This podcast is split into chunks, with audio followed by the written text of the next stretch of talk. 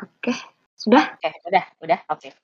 Oke, uh, sebelum sesi masuk ke inner child-nya, sesi sharing-nya, aku, uh, ini kuis lah, kuis. Ada di sini ada yang tahu bedanya nggak spiritual sama supranatural itu? Silahkan mungkin boleh. Ada yang kebayang pemahamannya apa gitu? Apa bedanya atau nggak ada bedanya?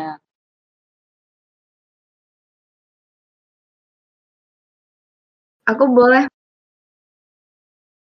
Boleh boleh boleh. Siapa Debbie ya? Iya. Kalau setahuku ya, um, supranatural itu kan supnatural, jadi, uh, hal yang tidak biasa lah, jadi tidak natural gitu. Jadi hal yang kayak di luar nalar misal. Kalau spiritual itu hal yang, uh, ada dalam diri kita tapi kita nggak bisa lihat, bukan organ ya, tapi kayak hal kayak mental, pikiran, batin yang ada dalam diri kita tapi kita nggak bisa lihat kayak gitu. Oke. Oke. Uh, ada yang lain mungkin mau sharing juga pemahamannya gimana?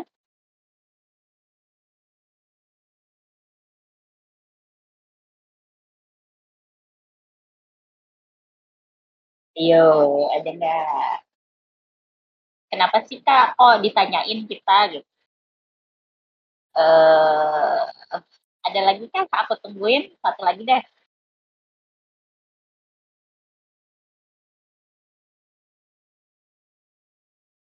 Nggak ada. Ada yang mau ini?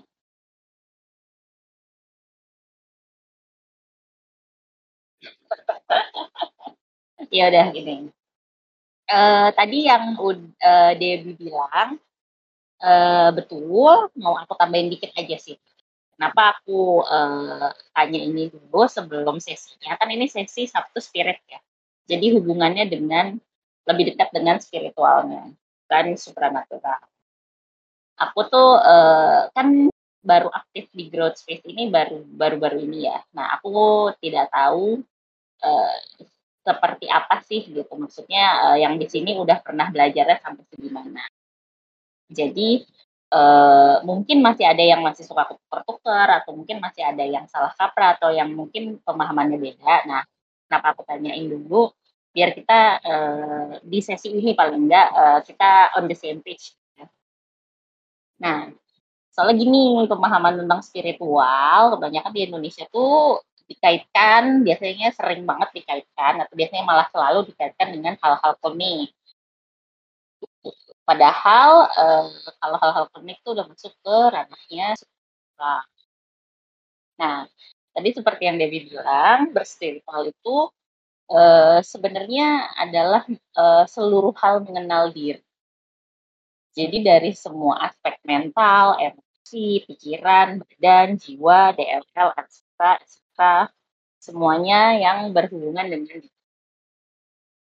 Jadi kalau misalnya kita uh, apa kita ngisi tes tuh tes online kan biasanya ada personality test itu juga mungkin uh, salah satu bentuk dari berspiritual karena itu salah satu bentuk untuk mengenal diri paling nggak dalam hal ini mengenal personality kita. Nah kalau KBBI bilangnya gini spiritual adalah segala sesuatu yang berhubungan dengan atau bersifat kejiwaan dalam kurung rohani batin. Itu menurut KBBI. Nah, Uh, kalau supranatural tadi betul, kalau menurut KBBI juga itu adalah hal adalah ajaib gitu, hal-hal yang tidak bisa diterangkan oleh Nah, tapi sebenarnya kalau dari aku sendiri, kalau ditelaah lebih lanjut, supranatural itu uh, sebenarnya sangat berhubungan dengan energi. Jadi kan semua makhluk tuh punya energi ya. Kita semua ini adalah makhluk energi bukan manusia aja semua entitas lah uh, apa pun itulah yang kelihatan yang nggak kelihatan yang ada yang ada di dimensi ini di dimensi yang lain semuanya nah terus uh, apakah di spiritual juga kenal dengan energi? Ya kenal juga nah uh, aku kasih contoh deh uh, contohnya itu misalnya kita lagi berdoa tuh nggak bilang uh, kita nggak me menyentuh agama mana pun ya maksudnya kita lagi berdoa lah secara general gitu. Nah itu tuh kita juga sedang berkegiatan uh, dua-duanya spiritual dan supranatural. Karena kan sebenarnya kita kalau misalnya kita berdoa dalam hal ini adalah kita berdoa kepada uh, sesuatu yang tidak terlihat. Tuhan tidak terlihat. Makanya itu masuk ke supranatural. Tapi kenapa itu juga spiritual ketika kita berdoa, kita juga jadi mengenal misalnya doa kita kita lagi berdoa oh pengen uh, ya Tuhan pengen ini dong ya Tuhan aku pengen selesai dong masalahnya atau ya Tuhan aku pengen dapat duit gitu. 10 juta 10 juta dolar. Banyak ya mintanya. Nah, jadi itu bisa dua-duanya tapi gini supranatural tanpa pemahaman spiritual yang matang ada bahayanya. Itu akan mengaktifkan seven deadly sin. Lah ya iri uh, rakus uh, betul lagi. Uh, iri rakus marah dendam. Terus spiritual tanpa pemahaman supranatural pun jadinya aneh karena kamu berusaha mengenal dirimu sendiri tapi jatuhnya kamu jadi tidak percaya yang tidak terlihat kalau kamu berspiritual tanpa ada pemahaman supranatural. Jadi dua-duanya tuh sebenarnya uh, ada porsinya dan sebaiknya seimbang. Nah, terus uh, next ya kita masuk ke uh, inner child ya.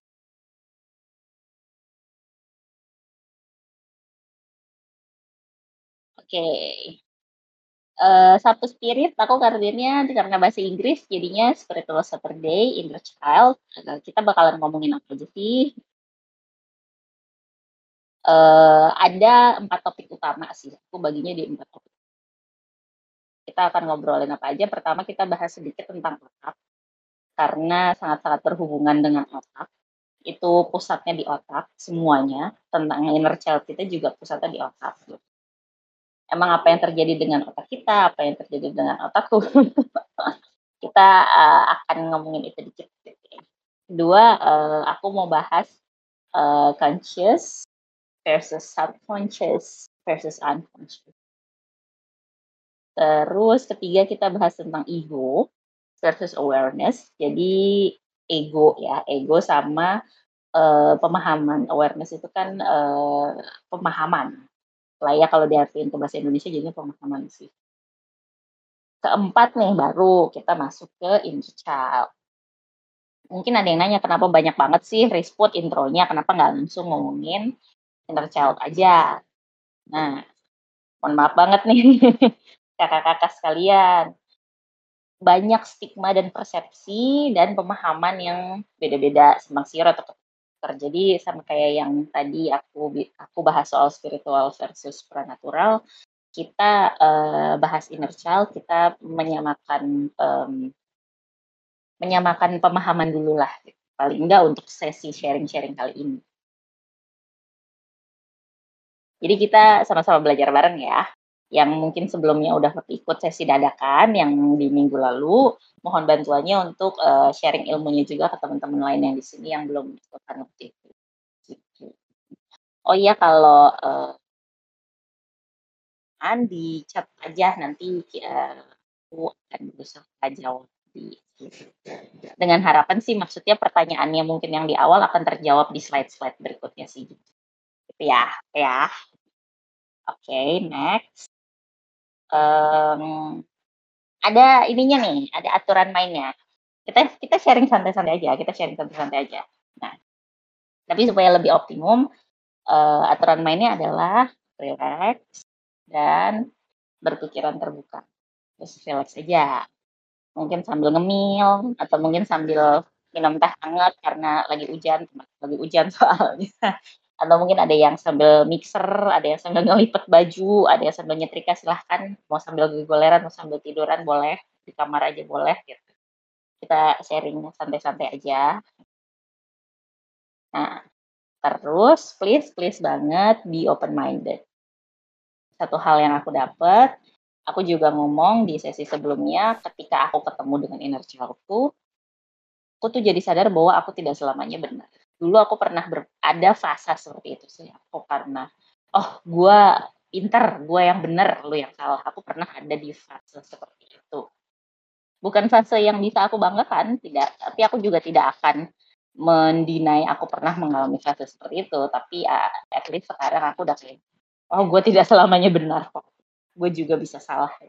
Nah, um, aku aja bisa salah untuk yang berhubungan dengan diriku sendiri. Jadi aku mikir manusia aja itu bisa salah untuk hal yang berhubungan dengan dirinya sendiri.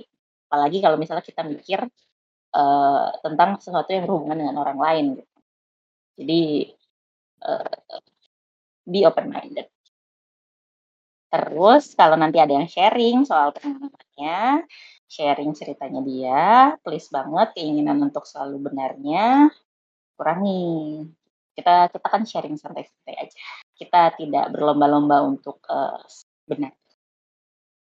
Nah, terus um, kalau misalnya menurut kalian ada dari ceritanya teman-teman yang sharing di sini ada yang aneh atau misalnya kamu berbeda pendapat, uh, ini kita uh, perspektif dan mindset gitu. Jadi mungkin menurut dia benar, mungkin menurut kalian salah, dua hal bisa terjadi dalam satu waktu. Mungkin kalian dua-duanya benar, mungkin kalian dua-duanya salah, mungkin ada orang lain yang punya pendapat lain lagi. Jadi uh, please please be kind, be open minded. Itu. Terus, uh, oh sama satu lagi, uh, mohon banget spirit untuk sharingnya juga termasuk sharing the stage gitu. Jadi kalau udah, uh, ada yang, uh, sharing ceritanya gantian sama temennya yang lain gitu. Oke, gitu ya. Itu aturan mainnya. Berilah kesempatan pada semuanya untuk bisa mengeluarkan cerita, opini, atau unek-uneknya di situ, di sini. No judging, Oke. Oke. Oke. Oke, relax. Kamu ada di tempat yang aman. Kita di sini bukan untuk ngejudge, kita di sini santai-santai share.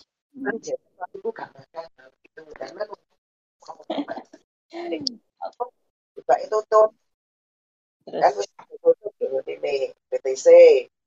Nah, memang dikabarkan ya aku gak ngerti kemungkinan ya kurang alkohol Oke.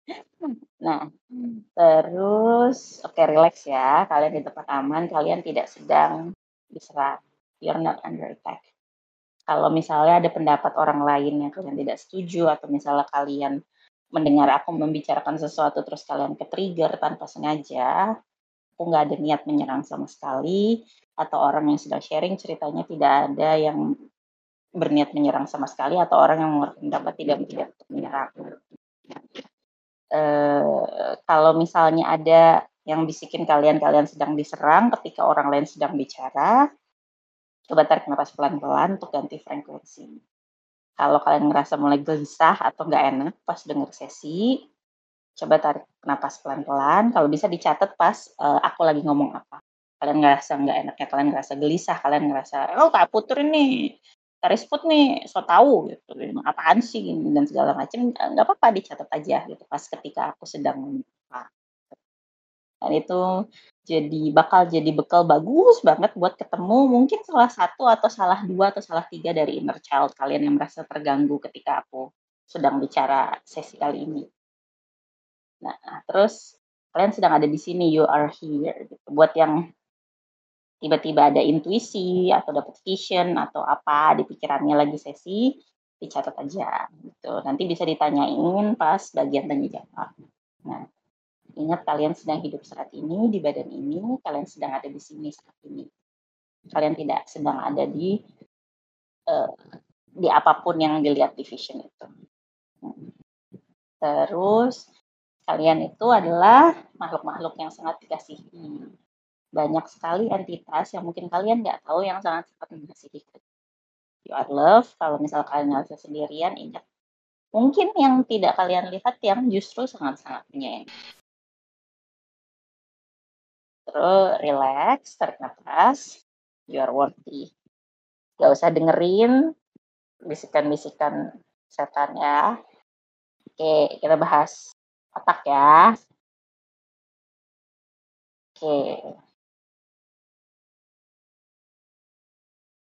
Ini aku bahas otaknya bukan dari otak tuh bentuknya gimana, namanya apa aja, bagian-bagian enggak enggak. Aku kasih, uh, beberapa info menarik aja soal otak gitu yang, uh, aku pikir akan sangat-sangat berhubungan dengan topik inner child gitu.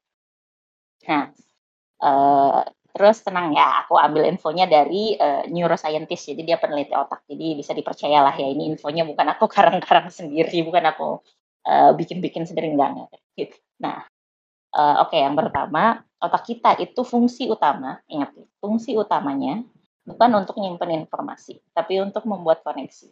Jadi kalau kalian pas masih kecil, misal lagi sekolah SD gitu, terus kalian nggak senang matematik gitu, tapi kalian tuh pinter banget ngapal gitu kan, kan katanya gitu kan kalau di sekolah yang nggak suka ngitung atau nggak nggak pinter matematik biasanya uh, pinter ngapal, atau biasanya pinter gambar atau gimana. Nah, sebenarnya otak kita itu fungsi utamanya semua manusia tanpa terkecuali uh, fungsi utamanya buat uh, koneksi.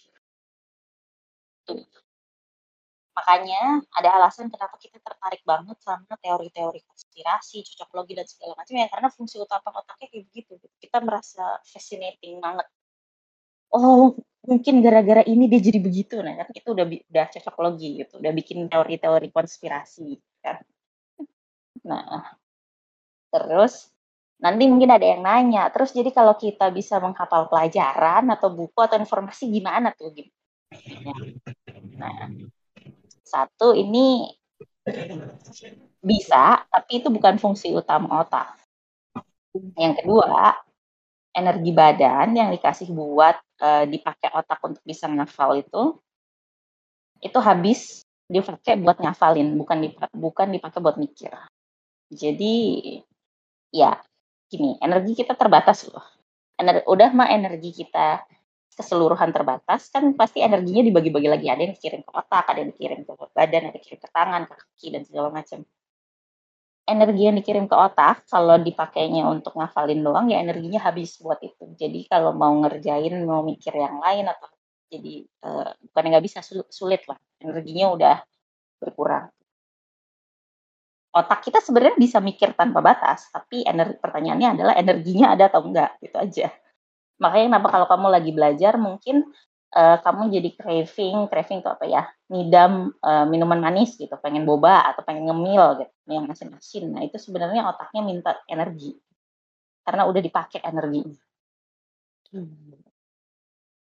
Yang kedua, sorry, otak manusia itu didesain untuk bisa dibentuk di masa awal-awal kehidupan. Jadi gini, kan sering ada dengar orang ngebahas kalau misalnya parenting-parenting itu golden years, golden years, nah itu.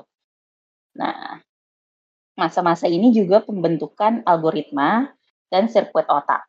Ini bahasanya udah mulai agak aneh nih. Pembentukan ya, uh, ini aja inget-inget aja. Masa ini pembentukan algoritma, sirkuit otak, terus pembentukan ego, sama satu lagi pembentukan internal filter. Pembentukan algoritma dan sirkuit otak tuh buat apa sih? Kayak Nah, ini adalah bahan untuk bisa berpikir sendiri dan punya perspektif sendiri. Jadi gini, jadi pas kecil kita kan diajarin tuh. Nah, ketika kita diajarin tuh, diajarin di SD atau diajarin di rumah. Nah, itu tuh itu sebenarnya untuk membentukkan algoritma dan sirkuit otak kita. Nah, kalau misalnya apa? Eh, jadi punya logika lah intinya. Jadi sebelum pembentukan si algoritma sama sirkuit otak ini, manusia tuh kalau mau mikir tuh pakai insting sama feeling. Jadi dia tuh ngelihat dunia tuh perspektifnya dia tuh pakai instingnya dia dan pakai feelingnya dia. Tapi kalau misalnya dia udah mulai punya uh, algoritma, dia udah punya sirkuit otak yang mulai terbentuk, nah itu tuh dia udah bisa mikir pakai logika. Nah, menurut penelitian itu tuh biasanya di umur 8 sampai 9 tahun tuh si algoritma dan sirkuit otaknya mulai terbentuk. Nah, jadi kira-kira sebelum itu jadi uh, kayak sebelum 8 tahun, 8 9 tahun itu kalian tuh masih pakai insting insting sama feeling. Setelah itu kalian udah mulai pakai logika. Nah, gitu. Nah, terus uh, tadi kan aku bilang uh, pembentukan algoritma, pembentukan sirkuit otak, ada pembentukan ego. Ego nanti kan aku bahas di part ketiga. Nah, uh, untuk yang pembentukan internal filter itu hubungannya sama yang part kedua. Uh, Oke. Okay.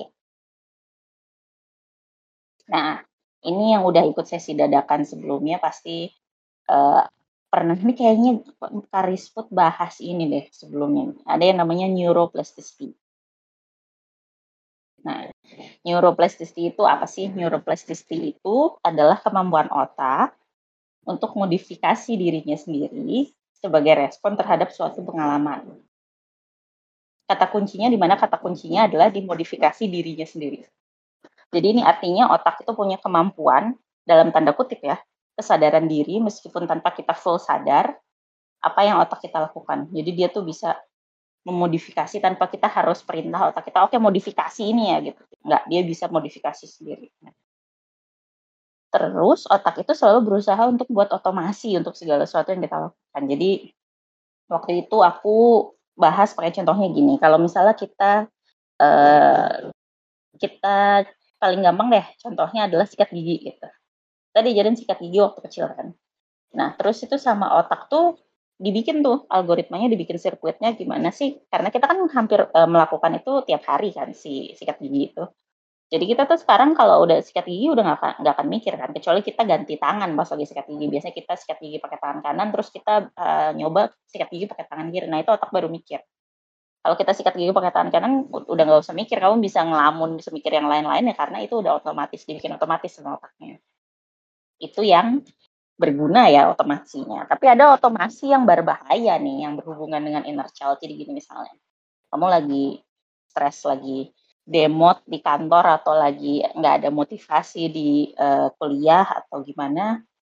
Terus mikir aduh kok gue kayak gini ya? Aduh kok uh, nanti ke masa depan gue gimana ya? Gitu. Nah ketika kamu mikir itu pertama kali mungkin itu butuh kayak 5 menit 10 menit gitu.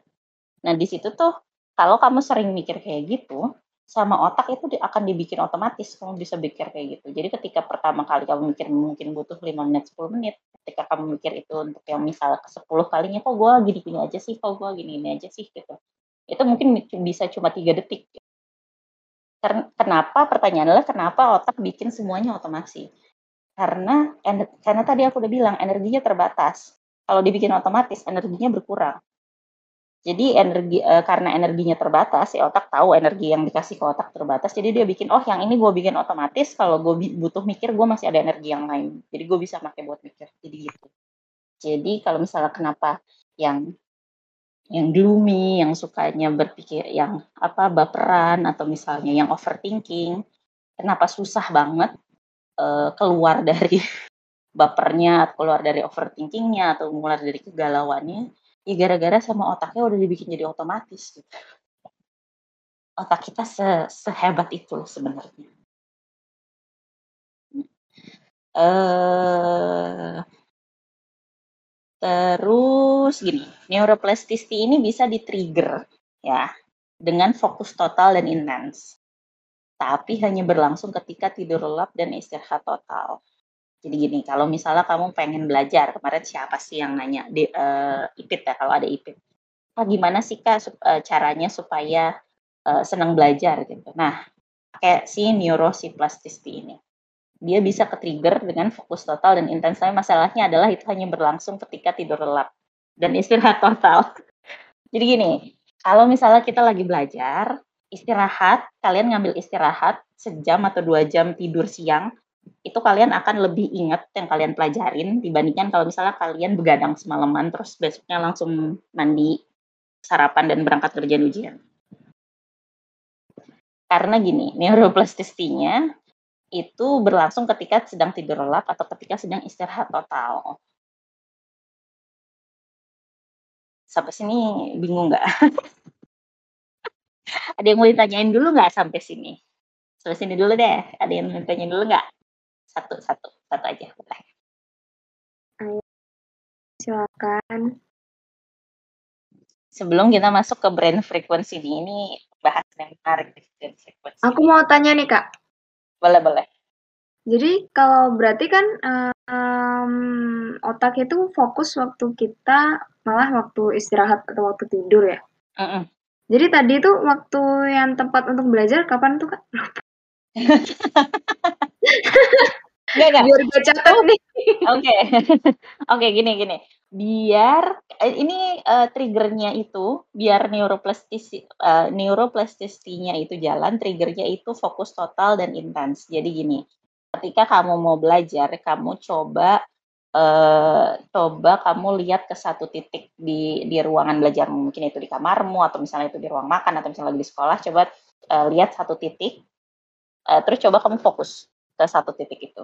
Jangan fokus terus nanti tidur ya. Enggak ini fokusnya sebentar aja gitu. Maksudnya sampai kamu bisa fokus aja. Kamu udah bisa uh, susah loh sebenarnya. Kamu cuma lihat di satu titik terus nggak lihat ke mana-mana. Ada orang lalu lalang di sekitar atau ada suara-suara kamu udah nggak ini lagi gitu. Uh, fokus kalau udah fokus coba uh, di ini dikedipin matanya cepat sekitar satu menit satu sampai tiga menit. Gitu. Biar apa biar uh, pemanasan lah istilahnya pemanasan. Nah, habis itu baru uh, belajar. Nah, fokus total sama intens itu baru bisa tercapai ketika otak kalian tuh di challenge 115% daripada yang uh, seharusnya. Jadi gini, misalnya, aja nih kita kayak contoh. Uh, kita udah diajarin satu tambah satu dua. Nah, karena kita udah belajar sebelumnya, ah gampang nih. Otaknya males otaknya tidak merasa terchallenge. Dia tidak akan merasa intens jadi itu si neuroplastisitinya nggak akan ke trigger kalau kita mau belajar gimana kak? Jadi kita udah pernah diajarin satu tambah satu dua. Nah kalau kita mau belajar kita harus uh, challenge uh, belajarnya itu kita jadinya belajar uh, logaritma satu atau jadinya uh, satu pangkat berapa atau misalnya satu pangkat berapa atau satu satu ya. Dua deh. Misalnya logaritma dua atau misalnya dua pangkat sekian gitu. Bukan dua tambah dua lagi tapi jadinya dua kali dua atau dua eh, dua pangkat tiga atau dua pangkat dua kayak gitu gitu biar si otaknya tuh ngerasa oh ini sesuatu yang baru gue harus fokus.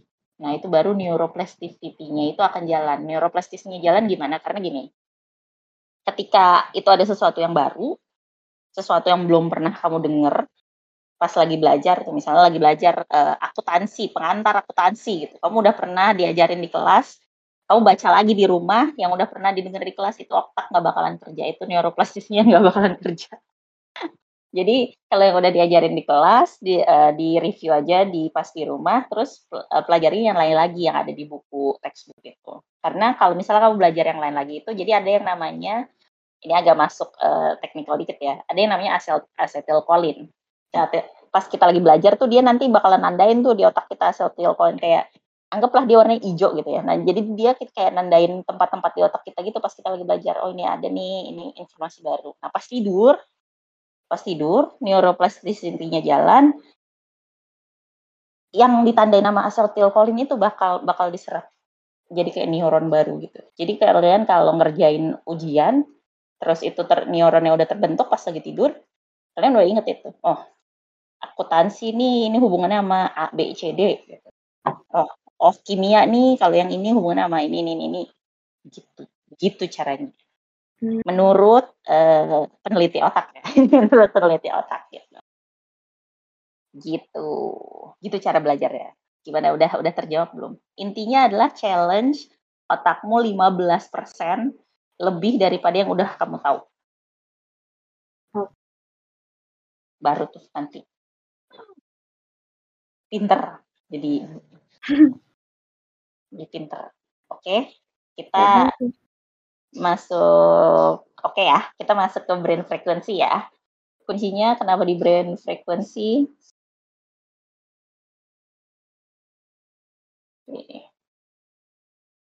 kayak gini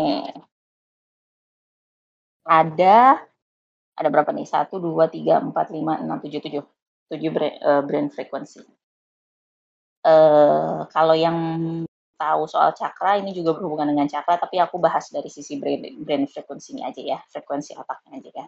Nah, uh, kita mulai dari alpha. Alpha tuh kenapa aku tulisnya gateway, yaitu kayak pintu gitu. uh, di sesi yang sebelumnya aku bilang alfa itu adalah gelombang otaknya anak kecil dan bayi. Dia tuh uh, dia tuh batas antara uh, pikiran sadar, conscious sama pikiran tidak sadar kita subconscious sama unconscious. Nah, jadi dia tuh gateway-nya dia dia pintunya. Nah, kenapa anak kecil sama bayi itu frekuensi gelombang otaknya di sini?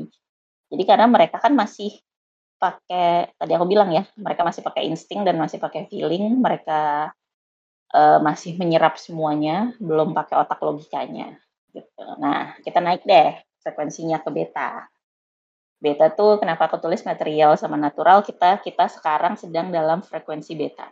Kita bisa ber, uh, berkegiatan, bersosialisasi, kita sekolah, kita kerja, kita ngapain itu kita lagi dalam frekuensi beta kalau kita lagi fokus uh, kita lagi sadar kita lagi berkegiatan itu beta pas naik lagi kalau misalnya kita super fokus itu namanya frekuensi gamma.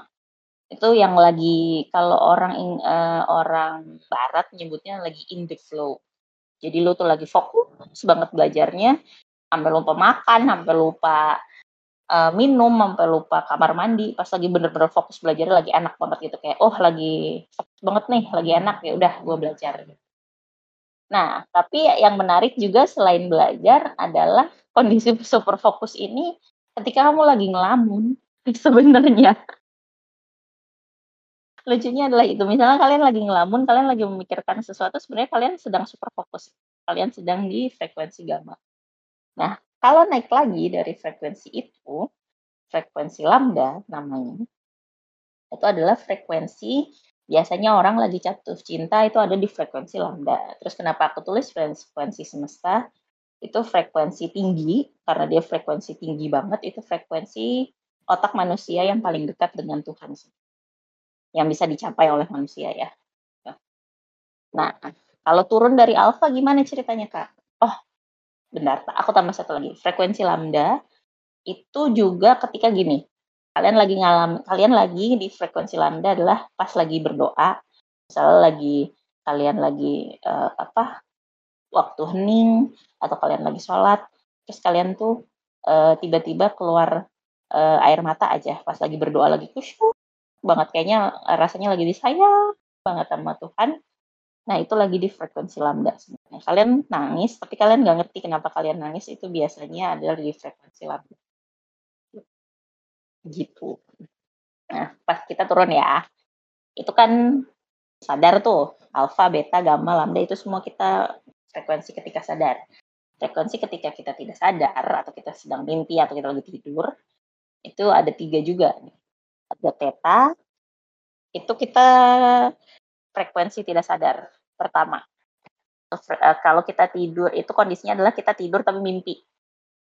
Frekuensi theta juga menariknya adalah frekuensinya entitas-entitas negatif yang sering digunakan oleh orang-orang Indonesia yang jahat-jahat. Jadi kalau misalnya ngirim santet atau ngirim pelet, nah itu santetnya dan peletnya yang dikirim mereka ada di frekuensi ini entitas-entitas itu. Gitu. Uh, terus frekuensi delta itu itu ketika kita lagi tidur tapi nggak mimpi kita lagi tidur pulas banget pulas bener-bener pulas kita tidur nggak mimpi nah itu lagi frekuensi delta itu namanya adalah frekuensi self feeling state kenapa karena itu tadi ketika lagi tidur pulas banget neuroplastisnya lagi jalan si neuroplastisnya itu juga dia itu kayak ngeluarin uh, zat kimia di otak untuk ngebenerin otak yang rusak ketika kita berinteraksi pada hari itu. Jadi misalnya kita bangun nih pagi-pagi, terus kita berkegiatan kan ada yang sekolah ada yang kerja makan dan segala macam kita tidur lagi malam kalau kita tidur sampai uh, sampai ke frekuensi delta itu ketika uh, ada bagian otak yang rusak ketika kita berkegiatan di pagi harinya siang harinya sore harinya itu dibenerin sama dia jadi sebenarnya uh, manusia itu sudah didesain punya self healing state nah bisa belajar terus uh, bisa sembuh kalau lagi tidur makanya jangan lupa tidur jangan keseringan begadang Terus uh, yang terakhir frekuensi paling rendah yang bisa dicapai sama frekuensi otak, tapi jarak banget bisa dicapai tapi jarang banget itu adalah epsilon. Ini frekuensi rendah banget. Ini disebut frekuensinya bumi. Makanya ada orang-orang yang bisa bilang, kayaknya nggak enak deh bentar lagi mau hujan, atau kayaknya bentar lagi mau gempa. Gitu. Ada orang-orang yang bisa kayak gitu kan. Nah itu dia sebenarnya mencapai frekuensi si epsilon ini. Jadi dia menangkap uh, frekuensinya bumi. Bumi ngasih tahu informasi ke dia. Oh, gue mau hujan nih. Atau oh, gue mau gempa. Oh, gue mau meletus gunungnya. Kayak gitu. Kenapa ini kuncinya? Karena gini. Uh, inner child itu kita tidak tahu dia ada di frekuensi yang mana. Jadi dia bisa aja bisa dia ada di salah dia bisa aja ada di salah satu frekuensi ketika kita tidak sadar di frekuensi theta, di frekuensi delta, atau mungkin dia di frekuensi rendah banget di frekuensi epsilon mungkin atau bisa aja dia di frekuensi tinggi nggak mungkin di frekuensi lambda sih karena itu frekuensi udah deket banget sama Tuhan biasanya itu clarity kalau di nyampe situ biasanya clarity dia biasanya di alpha beta gamma dia bisa di mana aja gimana caranya biar ketemu kita harus tahu dia di frekuensi mana gitu. Begitu. Oke, kita masuk yang kedua. Eh, yang aku pakai di sini nanti penjelasannya yang dari fruit ya. Fruit punya ada tiga, le tiga level model. Jadi ini bedanya apa sih?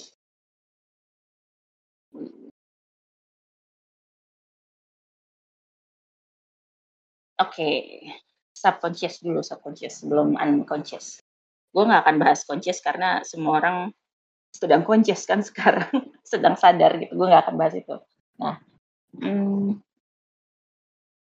uh, subconscious itu bagian dari pikiran yang tidak conscious uh, 100% tidak sadar 100% tidak sadar penuh tapi tapi bisa menginfluence, bisa mempengaruhi pikiran, emosi, dan kelakuan.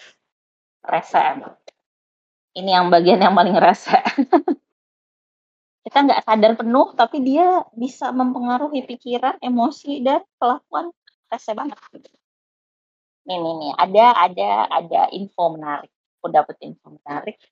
Jadi kita tuh sebenarnya kita menerima 10 juta bagian informasi yang masuk melalui uh, kelima ini indera kita. Setiap detik, setiap detik ya, 10 juta informasi masuk melalui dari kelima indera manusia setiap detik. Itu diterima sama si subconscious ini. Coba ada yang bisa nebak nggak berapa dari 10 juta itu yang akhirnya akan kita akan masuk ke pikiran sadar kita? Coba ada yang bisa nebak nggak? Satu aja, jangan dia lagi ada yang lain kan.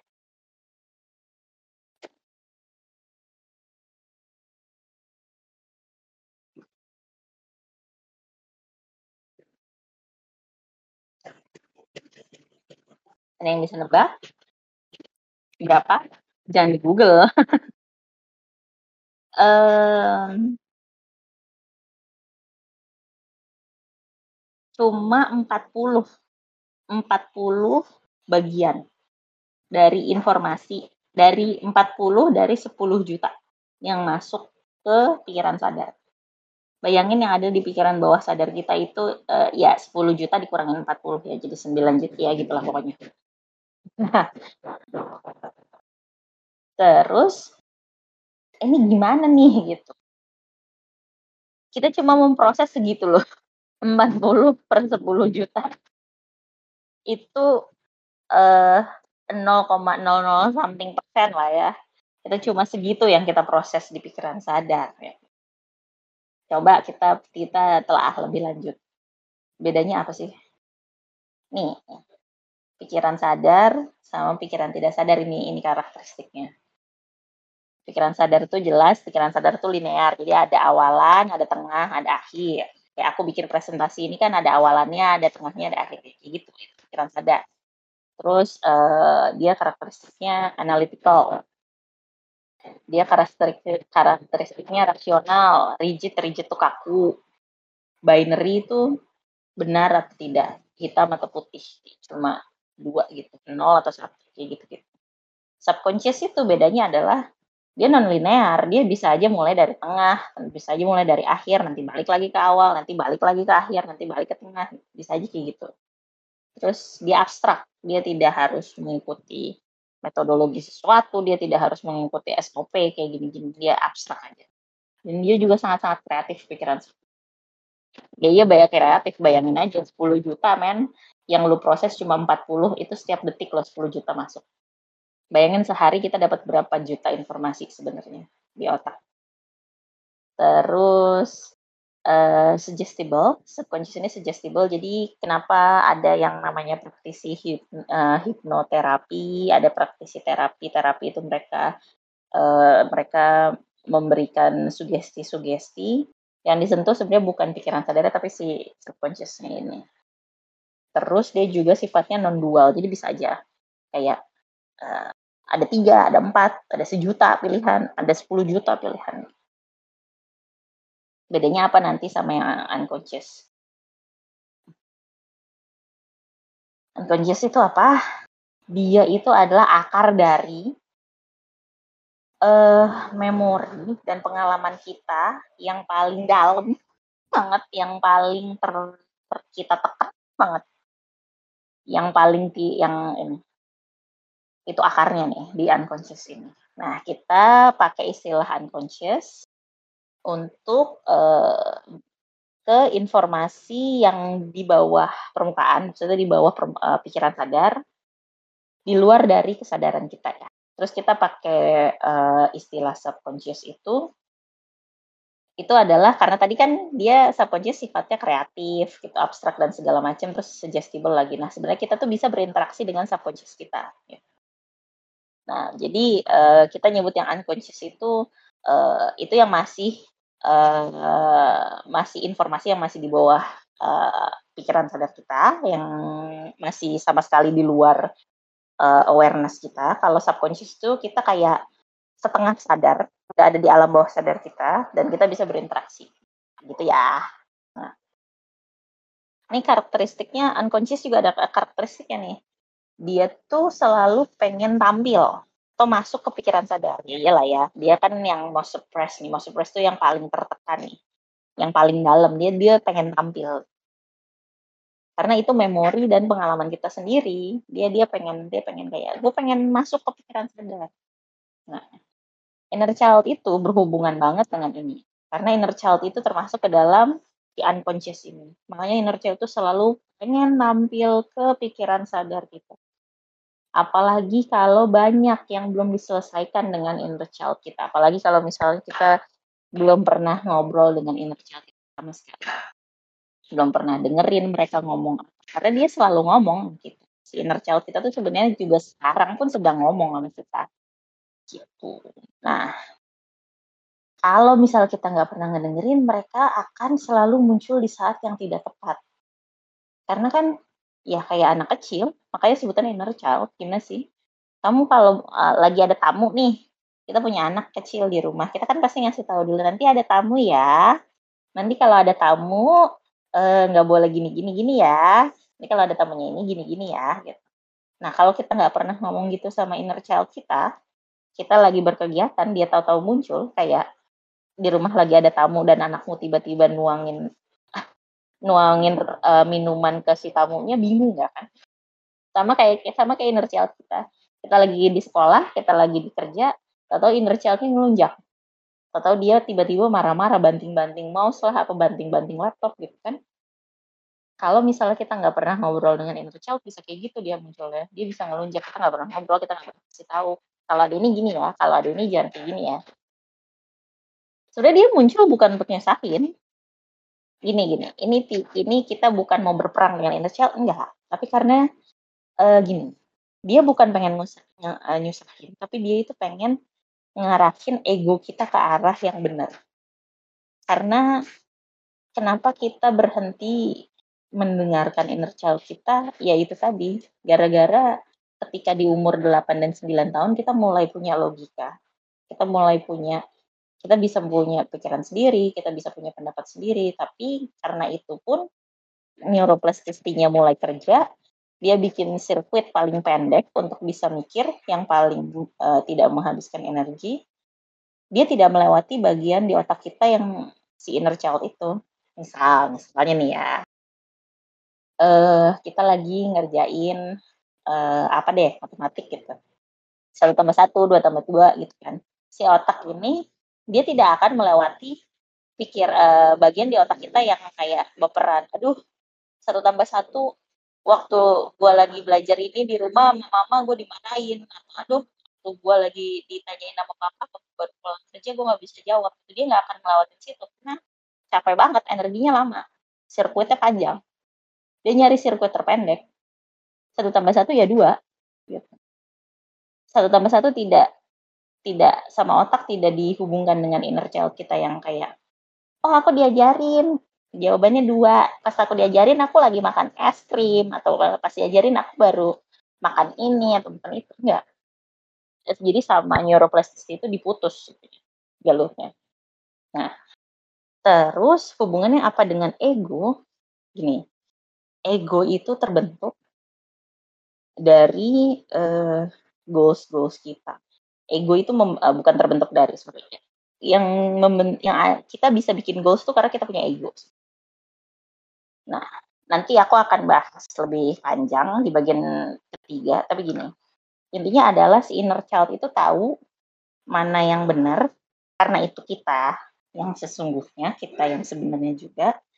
Tapi kita karena kita punya ego, kita kadang-kadang tidak mengarahkan kelakuan kita atau misalnya goals-goals kita sesuai dengan yang kita suka atau yang kita mampu karena mungkin ada uh, dari luar, ada faktor eksternal dari luar, dari orang tua atau dari lingkungan atau dari sekolah gitu.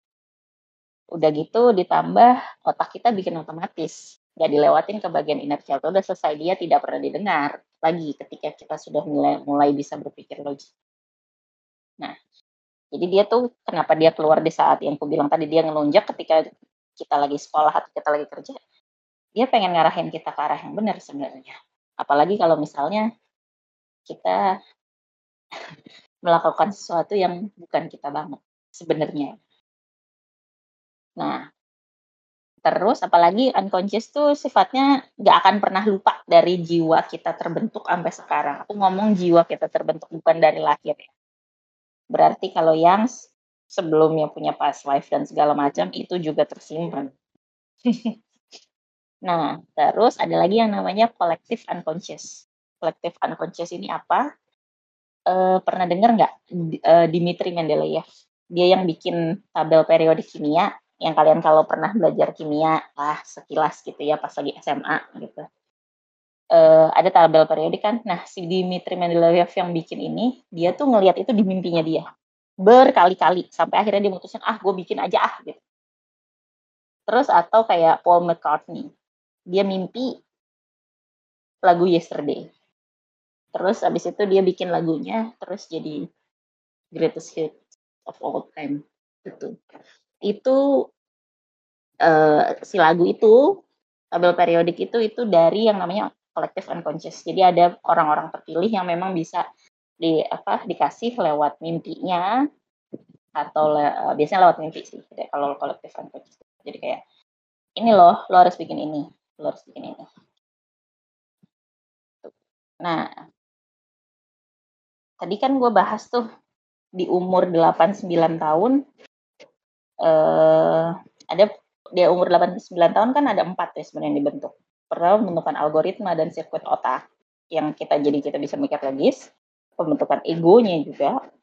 Jadi kita bypass, kita tidak melewati pemikiran inner child kita lagi. Sama yang satu lagi pembentukan internal filter.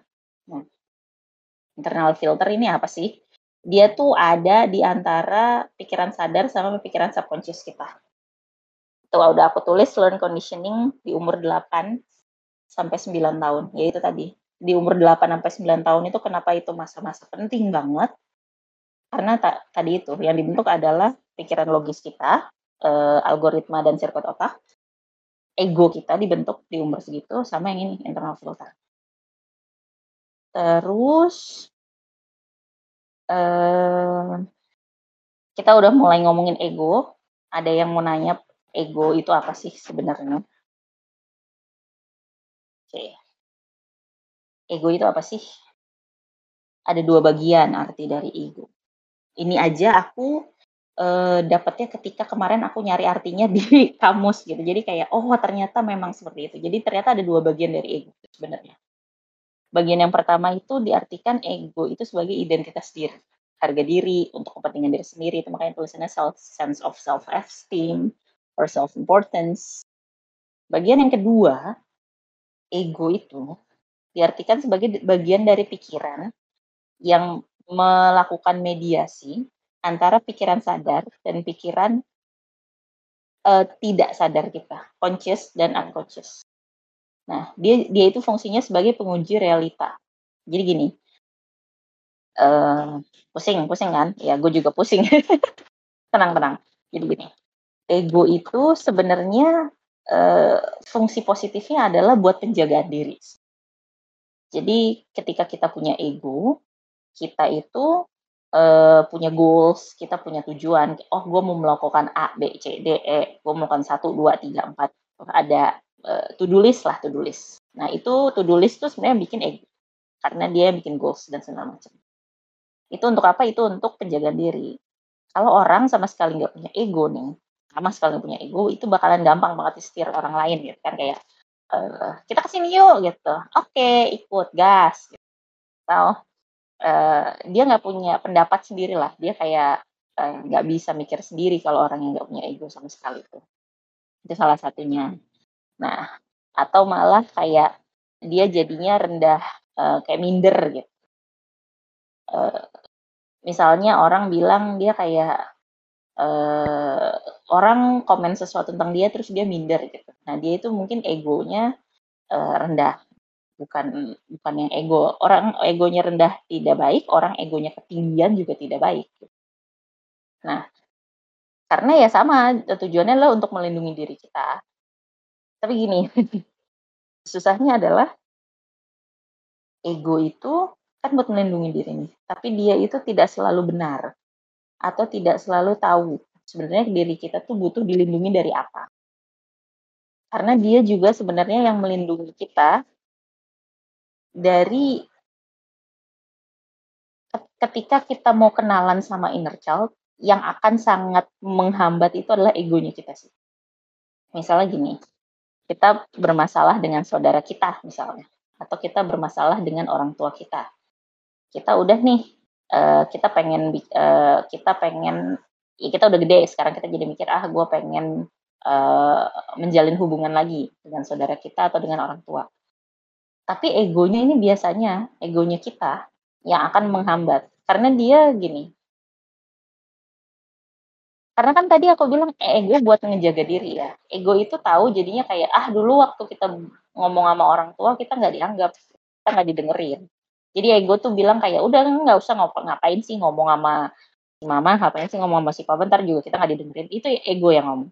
Kalau kalian ngerasa kayak gitu itu ego yang dia tujuannya pengen melindungi diri kita biar kita nggak sakit hati biar kita tidak uh, biar kita tidak merasa terluka batinnya atau biar kita nggak trauma dan segala macam tapi belum tentu itu yang kita butuhkan mungkin kita butuh untuk membangun hubungan baik dengan orang apalagi itu keluarga sendiri atau mungkin kita untuk membangun hubungan dengan orang yang kita cintai pasangan kita sendiri tapi egonya yang karena dia pengen menjaga kita sebenarnya tapi yang tadi aku bilang ego itu tidak selalu benar dan tidak selalu tahu apa sebenarnya yang kita butuh dan apa sebenarnya yang harusnya kita dijaga dari apa, bukan dari yang itu.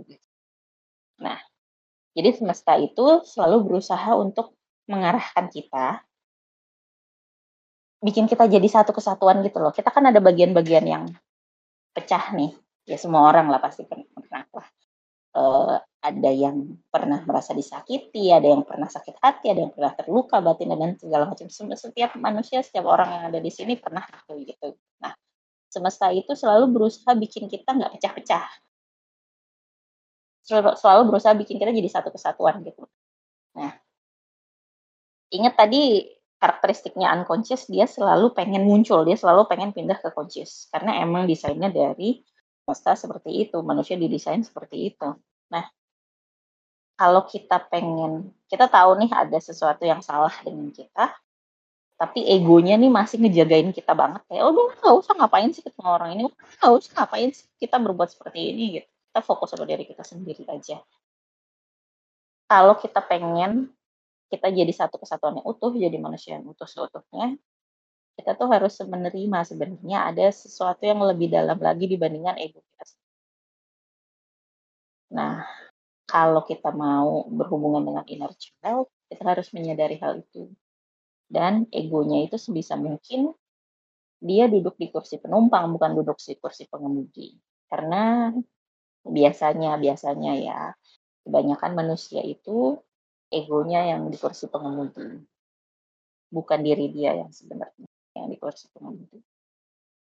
Bukan yang nggak bagus sih bagus. Karena kan tadi aku bilang ego tuh bikin bikin kita ada goals ada tujuan ada apa segala macam tapi kan belum tentu itu yang kita butuhkan dan itu belum tentu benar juga untuk kehidupan kita.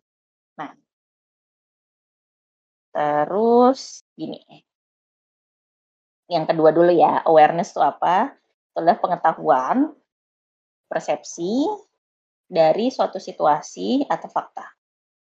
Jadi gini, tadi kan aku bilang ego tuh fungsinya buat jaga.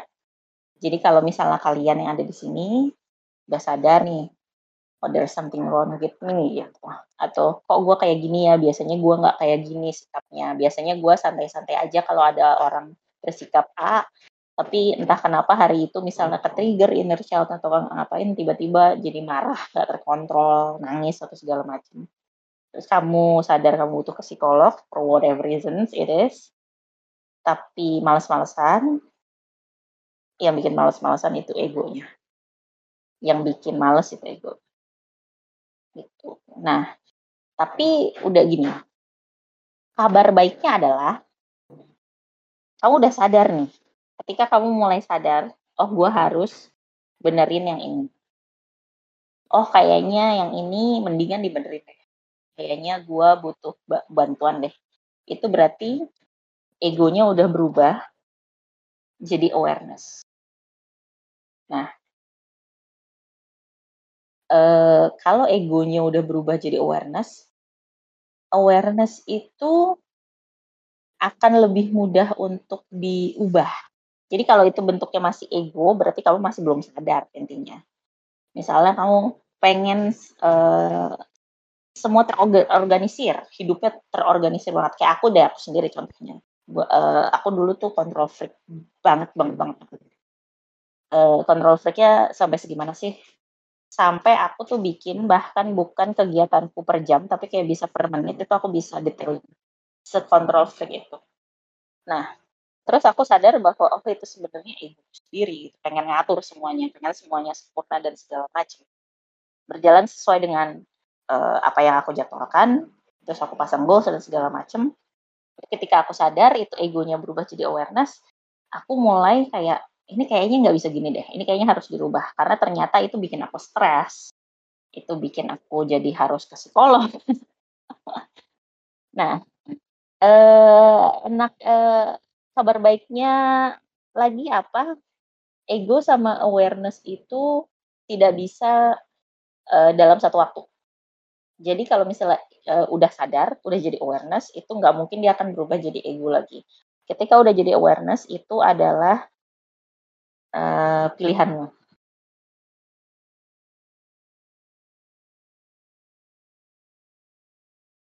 Hmm. Gue yakin di sini udah mulai ada yang gelisah, udah ada yang ke-trigger dan sebagainya. Coba tarik nafas, kita tarik nafas ya, tarik nafas. Terus dihembusin aja lah. Oke. Okay. Gue tidak sedang menyerang, oke? Okay? You are safe, you are not under attack, oke? Okay? You are here. Oke. Nah, yang biasa trigger nih yang udah mulai gelisah dan segala macam ini egonya. Nah, jadi saranku dari awal tadi aku hin kalau ke trigger, kalau gelisah, kalau nggak suka denger yang aku omongin, coba dicatat karena itu ego yang tadi aku udah bilang ego sama awareness nggak bisa hidup dalam satu waktu bersamaan. Ketika kamu catat, itu si ego itu yang tadinya kamu tidak sadar dia akan berubah jadi awareness. Nah, nanti pas kamu lihat catatannya, terus ditelaah, terus kelihatan patternnya seperti apa, nanti ketahuan ego. Egonya udah berubah jadi awareness. Ketika udah jadi awareness itu terserah. Bisa dirubah dengan sangat mudah. Itu pilihan.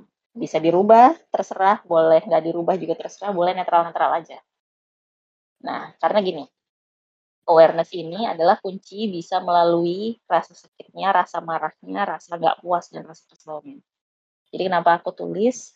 Menghindari trigger itu tidak tidak penyembuhan. It's not healing. Avoiding your triggers is not healing kamu kalau mau sembuh itu adalah ketika kamu ke trigger dan kamu bisa melewati sakitnya dari trigger itu kamu bisa ngelewatin bentukannya patternnya dari triggernya. Kamu bisa menceritakan kamu bisa lewatin ceritanya. Dan kamu bisa melangkah ke hasil yang beda sebenarnya. Jadi kalau udah mulai gelisah kalian ngerasa udah nggak enak kalian tiba-tiba ngerasa kesel nggak tahu nggak tahu dari mana keselnya ditulis aja. Sejak kapan kamu kesel? Mungkin ketika orang yang ngomong sesuatu mungkin dia melakukan sesuatu kamu nggak sadar terus ternyata kamu jadi kesel ya itu egonya. Kalau egonya udah ketahuan berubah jadi awareness itu bisa dirubah. Itu akan jadi malah akan sembuh ketika itu. Jadi aku bilang banyak-banyakin ke trigger tapi jangan jangan banyak trigger dalam satu waktu yang bersamaan nanti uh, overwhelm sendiri tapi jangan menghindari ke trigger juga jadi kalau misalnya ah aku nggak mau ah ke psikolog gitu, nanti aku ke trigger macam-macam, nanti aku marah, kesel, nanti aku nggak terkontrol, ya nggak apa-apa. Kamu mendingan marah, mendingan kesel, mendingan tidak terkontrol. Tapi setelah itu kamu bisa ngelewatin itu. Nah, ini menarik banget nih.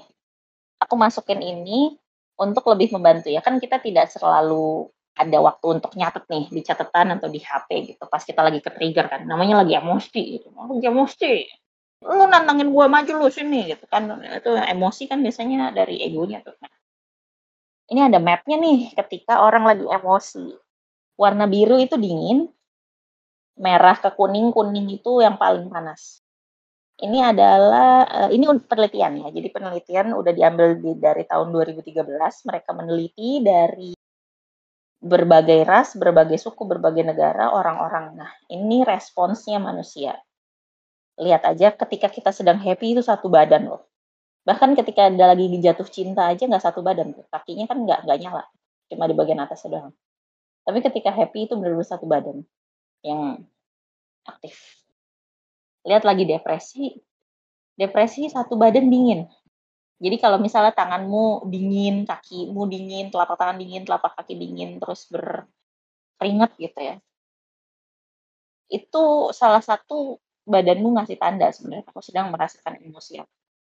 Jadi ini aku kasih kalau mungkin mau di screenshot atau apa silahkan. Jadi kalau misalnya kalian lagi tidak ada waktu, kalian merasa trigger, kalian tidak tahu harus nggak ada waktu buat nulis, uh, coba lihat bagian badan mana sih yang panas atau yang kerasa uh, tense ya. Misalnya terasa uh, deg-degan banget, dredeg atau gimana atau pala nyut-nyutan atau misalnya mata panas dan segala macam. Uh, shame itu bagian mata tuh panas Iri bagian kepala yang nyala. Angkuh tuh bagian atas tuh dari dada ke atas nyala semua. Pride uh, sebisa mungkin susah sih memang tapi sebisa mungkin di kondisi netral karena di kondisi netral itu badannya juga netral netral aja jadi nggak nggak ada yang panas banget nggak ada yang dingin banget itu oke kita masuk ke inner child ya. Sudah tertrigger sudah bisa mencatat triggernya dan segala macam kita masuk ke inner child. Hello. Inner child itu siapa sih? Apa sih ini? Kenapa orang bahas di Instagram, TikTok segala macam kan? Atau di YouTube lah. Inner child itu adalah bagian dari diri kita sendiri sebenarnya yang sudah ada bahkan sejak ketika kita lahir. Makanya tadi kan gue bilang unconscious itu itu tersimpan dari jiwa kita terbentuk. Mungkin kita sudah punya beberapa kehidupan sebelum ini dan itu tersimpan di jiwanya. Jadi memang inner child itu adalah bagian dari diri kita yang udah ada dari bahkan dari kita ada di perut tuh. Gitu. ini inner child itu bisa mengingat berbagai macam hal bukan cuma hal yang baik-baik doang. Misalnya kayak oh nenek gue kalau masak pas gue lagi ke rumah nenek pas kecil nenek kalau masak hari Sabtu Minggu gitu masakannya ini enak banget tuh suka. Itu inner child kita. Atau misal oh uh, eh, gue kalau lagi main sama teman gue di taman yang ini gue seneng banget. Ya itu. Kan hal-hal yang baik ya maksudnya hal-hal yang memori yang indah. Tapi inner child juga dia ingat hal-hal yang gak enak. Maksudnya pas kita kayak kita dimarahin. Gara-gara nilai nggak 100 nih Asian household banget nih nilai nggak 100 dimarahin gitu kan. Matematika nggak dapat 100 dimarahin. Gitu. nah itu inner child juga ingat. Nah uh, terus uh, apalagi sih gitu? Karakteristiknya inner child tuh apalagi sih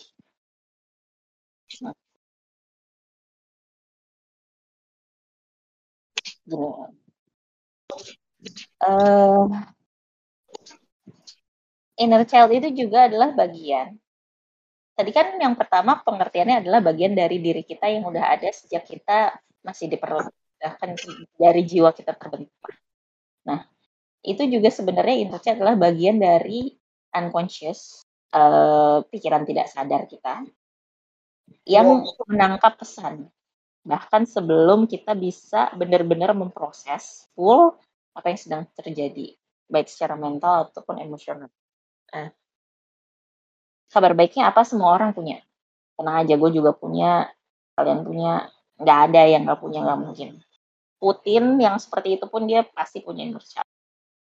Uh, Presi uh, Donald Trump yang seperti itu dia punya inner child juga. Mungkin malah lebih terlihat inner childnya dia seperti anak kecil kan sikapnya uh, orang tua kita punya energi ayah dan ibu kita punya saudara-saudara kita juga.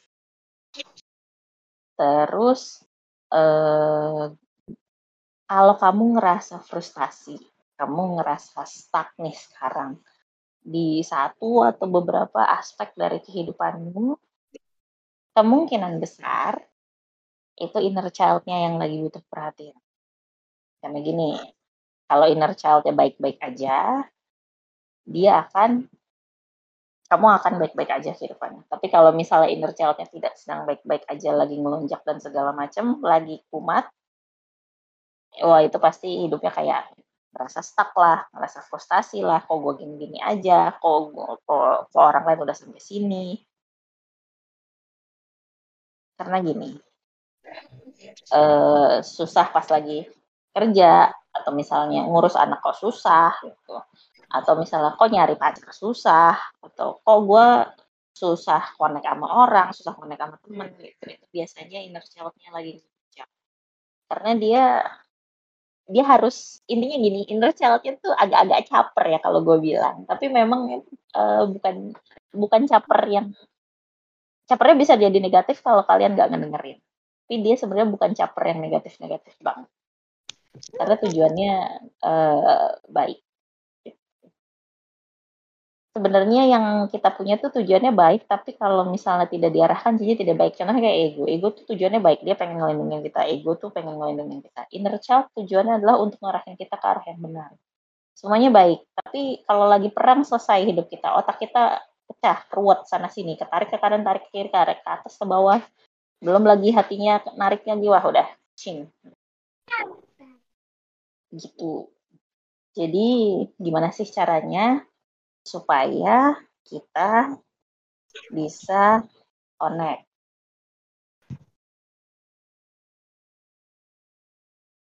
Uh, gini, gini kayak gini.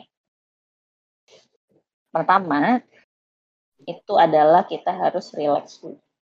Gua tahu ini gampang banget diomongin tapi susahnya setengah mati. Deep rest dan deep sleep itu susahnya setengah mati, apalagi untuk orang normal functioning kalian kerja, kalian sekolah dan segala macam bisa relax itu susah. Bener-bener relax ya.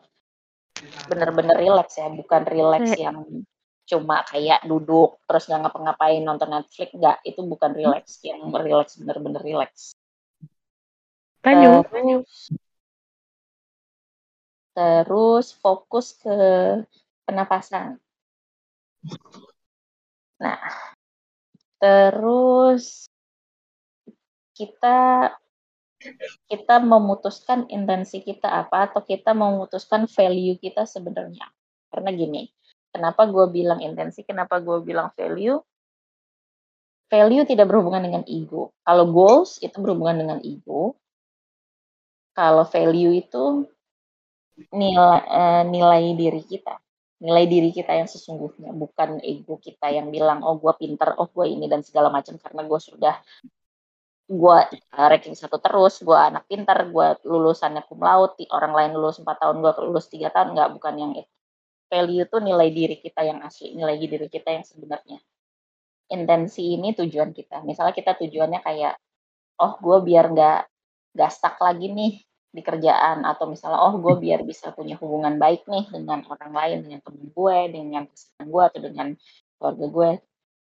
Atau misalnya oh gue pengen sembuh gue tahu ada something wrong with me. I know I know there's something wrong with me. Gue pengen bisa juga itu intensinya terus grounding. Grounding ini apa? Nah sem gue sempat bahas ini eh, tipis-tipis sih. Di yang sesi sebelumnya grounding itu adalah segala sesuatu yang bisa bikin kamu uh, kembali ke badanmu sendiri, tidak di otakmu. Bisa dari lima panca indera. Bisa aja dengan ngeliat uh, kemarin siapa ya Johnson kalau nggak salah dia dia tuh groundingnya ngeliat gambar uh, hutan gitu. Kalau nggak salah ya, gue lupa itu siapa Johnson apa bukan gitu atau misalnya dia merasa damai, ngerasa senang, merasa safe kalau ngeli kalau e, ngelihat gambar pesawat karena dia ngebayangin lagi di dalam pesawat gitu. Itu gue sih, gue gue ngerasa safe kalau di dalam pesawat gue bisa gitu. Aneh ya, padahal lagi di di, di udara. Nah, terus ada yang groundingnya dengerin musik misalnya, atau ada yang groundingnya uh, megangin kucingnya atau megangin anjingnya atau megangin binatang peliharaannya. Misalnya dia pelihara hamster dia pelihara uh, landak atau marmut. Gitu. ya itu bisa buat grounding. Kenapa butuh grounding biar kita nggak nyasar pas kita masuk ke subconscious atau unconscious kita bisa balik lagi ke badan sini nah terus uh, dibayangkan kalian sebelum berumur 10 tahun. Sebelum berumur 8 tahun lebih bagus. Karena itu sebelum otak logikanya muncul. Masih insting, masih feeling itu. Bayangin aja kamu ada di mana sih? Sekolahnya di mana sih? Kamu main sama teman siapa sih? Mungkin kamu pernah pindah rumah dari rumahmu waktu kecil misalnya di Bandung terus kamu SMP SMA di Jakarta misalnya.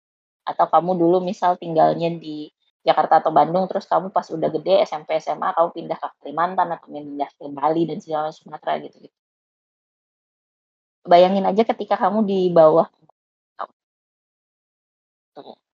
terus uh, sabar terus dengerin aja bikin koneksi terus komunikasi.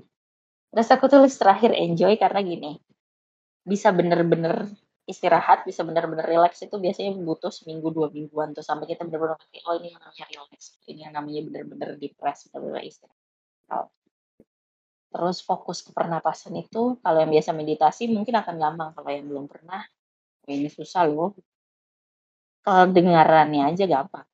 Sudah aslinya susah grounding juga kita harus menemukan dulu nih safe space kita apa yang bisa bikin kita bantu grounding. Apa misal kita seneng bau uh, kalau aku seneng bau teh gitu aku seneng tehnya uh, Lady Grey gitu. Kalau aku nyium baunya Lady Grey aku bisa grounding misalnya kayak gitu. Atau ada yang suka lilin yang wangi itu kalau dinyalain uh, apa namanya kayak diffuser dan segala macam ada juga yang groundingnya seperti itu karena dia suka baunya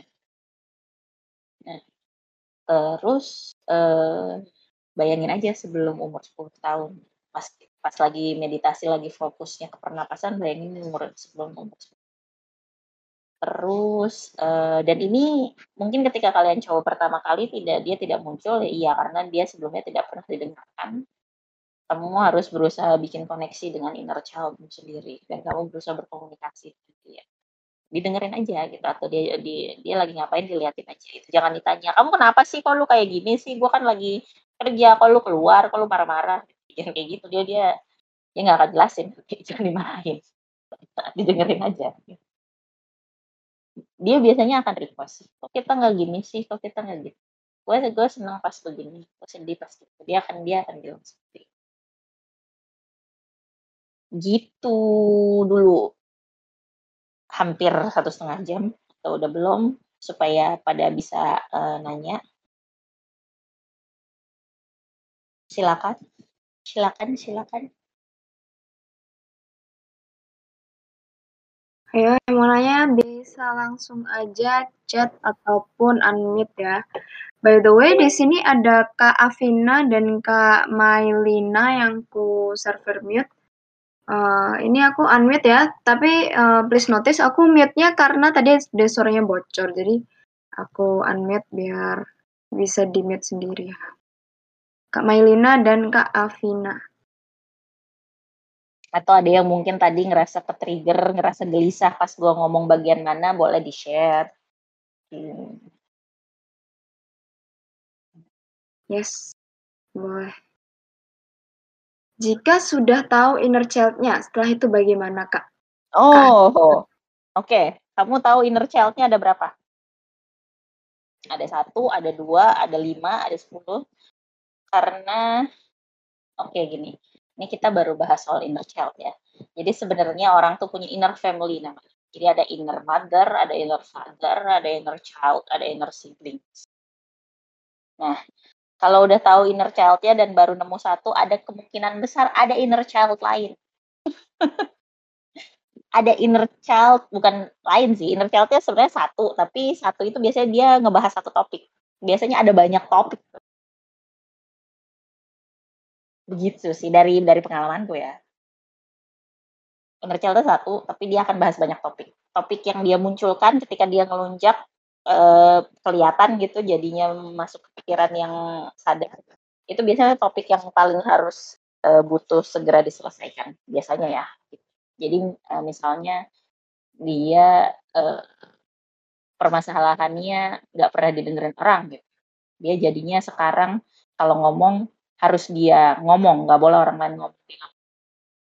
Biasanya yang yang harus di, di ini.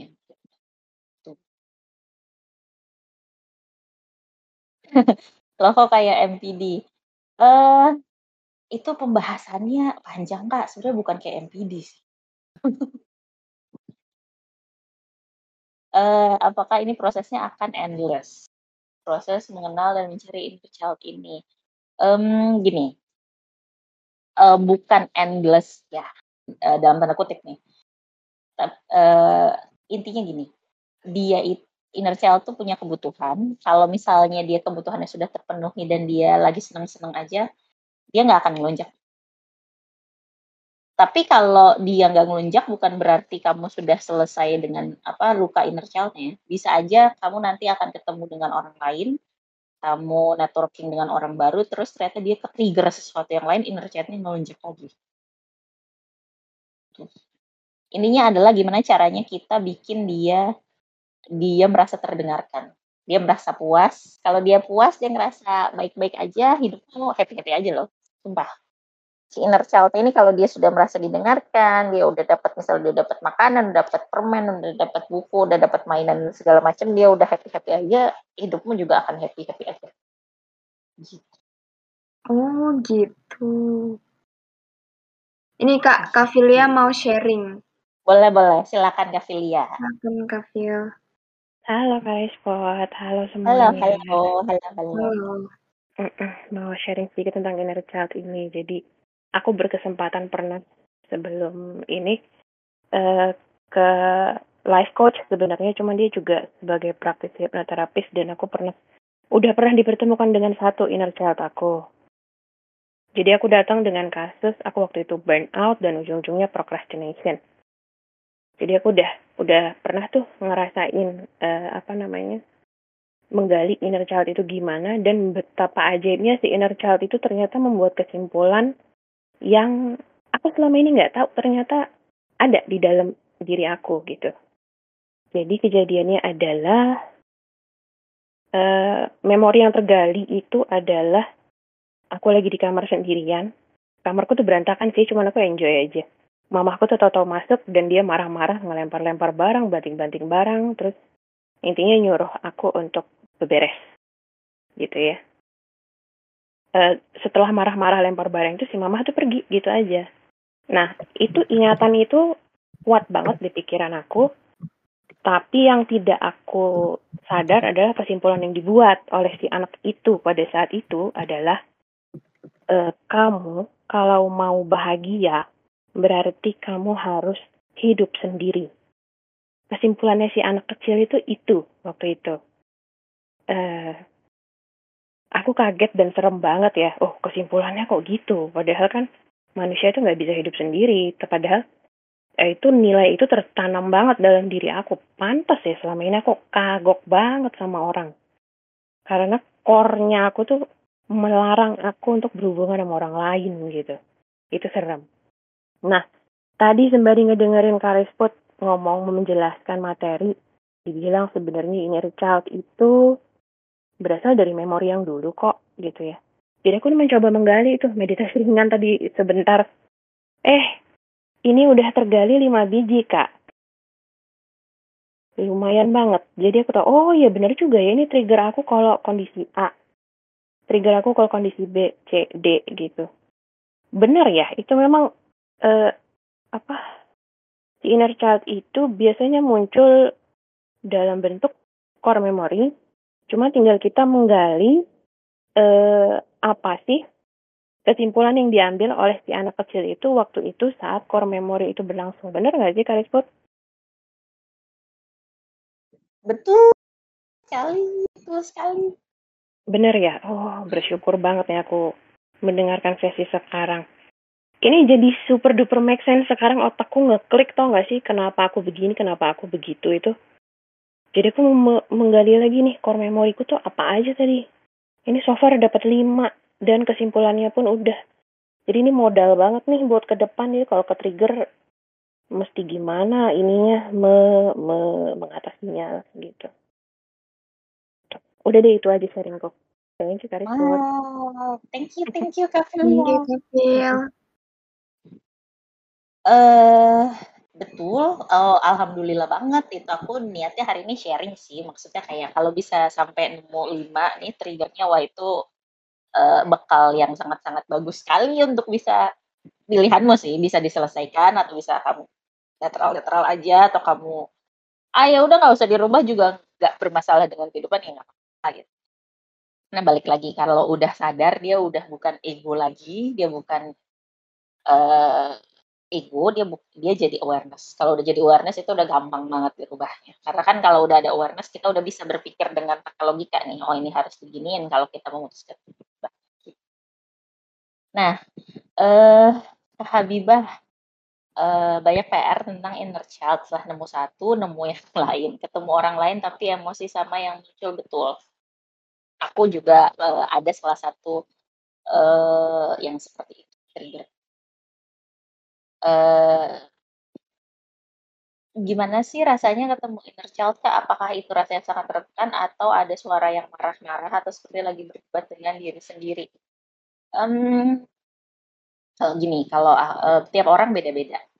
Karena kan ya ketika dibesarkan kan dibeda-beda kan, bahkan yang bersaudara pun mereka tidak mengalami orang tua yang sama loh, karena kan orang tuanya, uh, beda usia, beda beda kelakuan juga gitu. Anak yang satu beda sama yang nomor dua ada yang nomor tiga dan sebagainya nah, kalau di aku waktu itu aku kira aku nih karena kan melihat dari Instagram, Pinterest, uh, TikTok dan segala macam yang bahas soal inner atau apa dan segala macam, aku kira bahwa aku punya uh, luka inner childku tuh ada lukanya.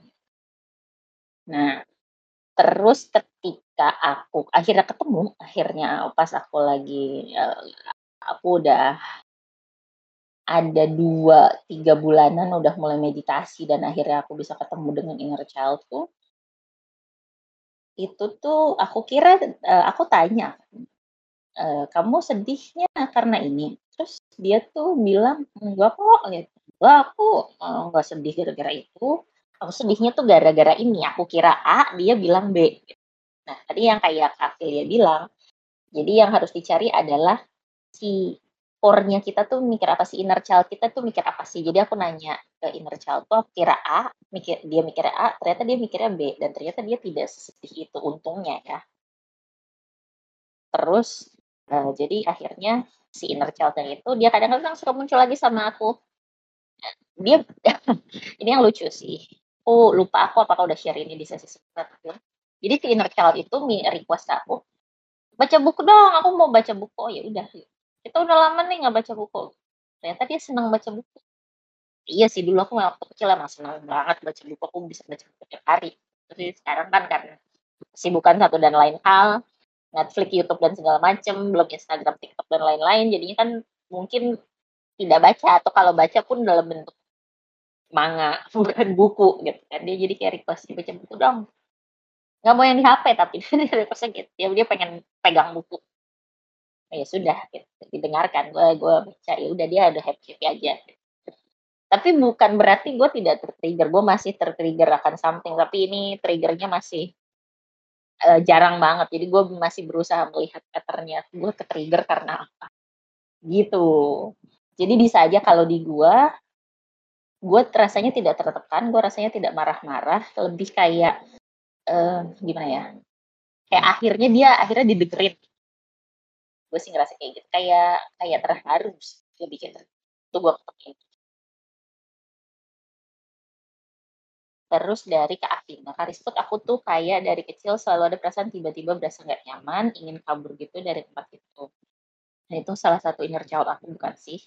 Karena sampai sekarang tiba-tiba muncul gitu. Hari ini juga sempat keluar padahal udah lama enggak. Kalau tiba-tiba muncul aku biarin sih. Nah, okay. school itu salah satu juga saranku adalah kalau lagi muncul, terus kenapa nggak nyaman dan ingin merasa kabur, coba dicatat. Itu pas lagi ada di situasi apa, atau misalnya pas lagi ketemu siapa, atau misalnya pas lagi ada di daerah mana, coba deh lihat. Jadi bisa ketahuan sebenarnya itu gara-gara apa sih? Mungkin, mungkin ya, waktu kecil, mungkin pernah hilang, ditinggal sama orang tuanya di suatu tempat lama, baru dijemput lagi mungkin atau misalnya pernah ada di daerah sesuatu kamu di situ pernah uh, ini ini misal aja ya aku bu aku nggak tahu misalnya pernah kecelakaan atau kamu pernah tabrak motor di situ terus jadinya luka dan segala macam jadinya kamu takut kalau situ gitu bisa nah terus um, uh, jadi saranku itu sih di, dicatat kalau misalnya mulai ngerasa nggak enak makanya kenapa sangat digembor-gemborkan tuh yang namanya journaling. Journaling itu bagus banget untuk bisa ngebantu kita ya. Salah satunya itu menyadari bahwa sebenarnya apa sih? Apa sih yang gue pelajarin hari ini? Apa sih yang gue rasain hari ini? Ketika udah mulai nulis kayak gitu kan jadinya tahu oh gue oh ini kayaknya gue ke trigger deh. Oke. Okay. Oke, okay, Kak, aku mau tanya nih, Kak. Boleh, Debbie, Jadi, Debbie, silahkan. Um, kan kata Karisma tadi cerita um, kayak kayak aku mau baca buku nih dari suara inner child kan terus akhirnya baca buku gitu biar uh, inner childnya bisa puas lah nah kalau misalnya kalau aku dulu itu kan sering banget kayak ya aku malu main kartu sama mancing gitu karena aku menurutku kalau misalnya di aku kan pernah psikolog kan terus ditain momen terindah itu waktu ngapain Nah, momen terindah itu waktu waktu gathering kayak sekeluarga main kartu gitu. Main kartu ceki sama mancing gitu. Nah, terus sekarang tuh aku pikir ya itu hobi aja emang dari dulu kebiasaannya gitu terus gue hobi pengen kayak gitu kan. Nah, itu apa inner child deh kak? I mean, I cannot differentiate gitu. Apakah itu pengen inner child or I'm just kayak ngidam aja atau hobi aja? Ayo yang mana yo? Ayo yang mana? uh, kemungkinan besar ya, kemungkinan besar itu adalah inner child Hmm. Jadi kalau kamu tiba-tiba ngerasa ah gue pengen mancing, oh ah gue pengen main kartu gitu. Kalau main kartu ngumpulin orang mungkin agak-agak PR ya kalau zaman sekarang iya. kan. Nah, terus pada nggak bisa ceki lagi. uh, mancing deh, mancing kan kalau sendiri kan bisa gitu, kamu mancing aja bisa. gitu, gitu ke tempat pemancingan gitu kan, siapa tahu dapat teman, siapa tahu dapat cowok dan segala macem kan tidak tahu Oh, kita ya. wow. Nah, Jadi dapat cowok. eh, Oh, gitu. Oke, oke. Well, kayaknya mungkin jadi masuk wishlist lah ya di sini.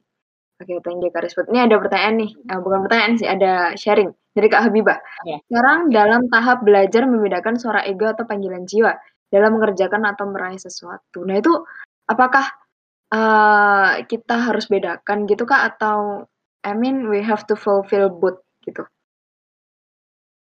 Eh, ini cara yang paling gampang adalah pertama ditulis dulu. Eh, misalnya pengennya apa, gitu. Nah, ketika udah ditulis, coba eh, di per nomor itu dirasain. Kalau misalnya otaknya setuju, hatinya nggak enak itu ego. Karena Hmm. gini, kalau panggilan jiwa itu paling gampangnya adalah otak sama hati itu udah selaras. Kalau masih tarik-tarikan, aduh gue pengennya ini, tapi itu kan nggak ada duitnya. Otak gue bilang, logika gue bilang, enakan yang ini duitnya lebih banyak, tapi gue nggak suka ke sana. Nah itu udah jelas banget. Yang satu ego, yang satu panggilan jiwa. Soalnya kalau panggilan jiwa itu pasti otak sama hatinya udah selaras. Udah seneng, dua-duanya udah seneng. Mau ot mau si otak logikanya ngomong, "Itu kan nggak ada duitnya kalau lu kayak gitu." Tapi ot eee, yang lain itu, "Enggak, gue suka-suka aja ngelakuin ini, hatinya seneng-seneng aja, ya udah."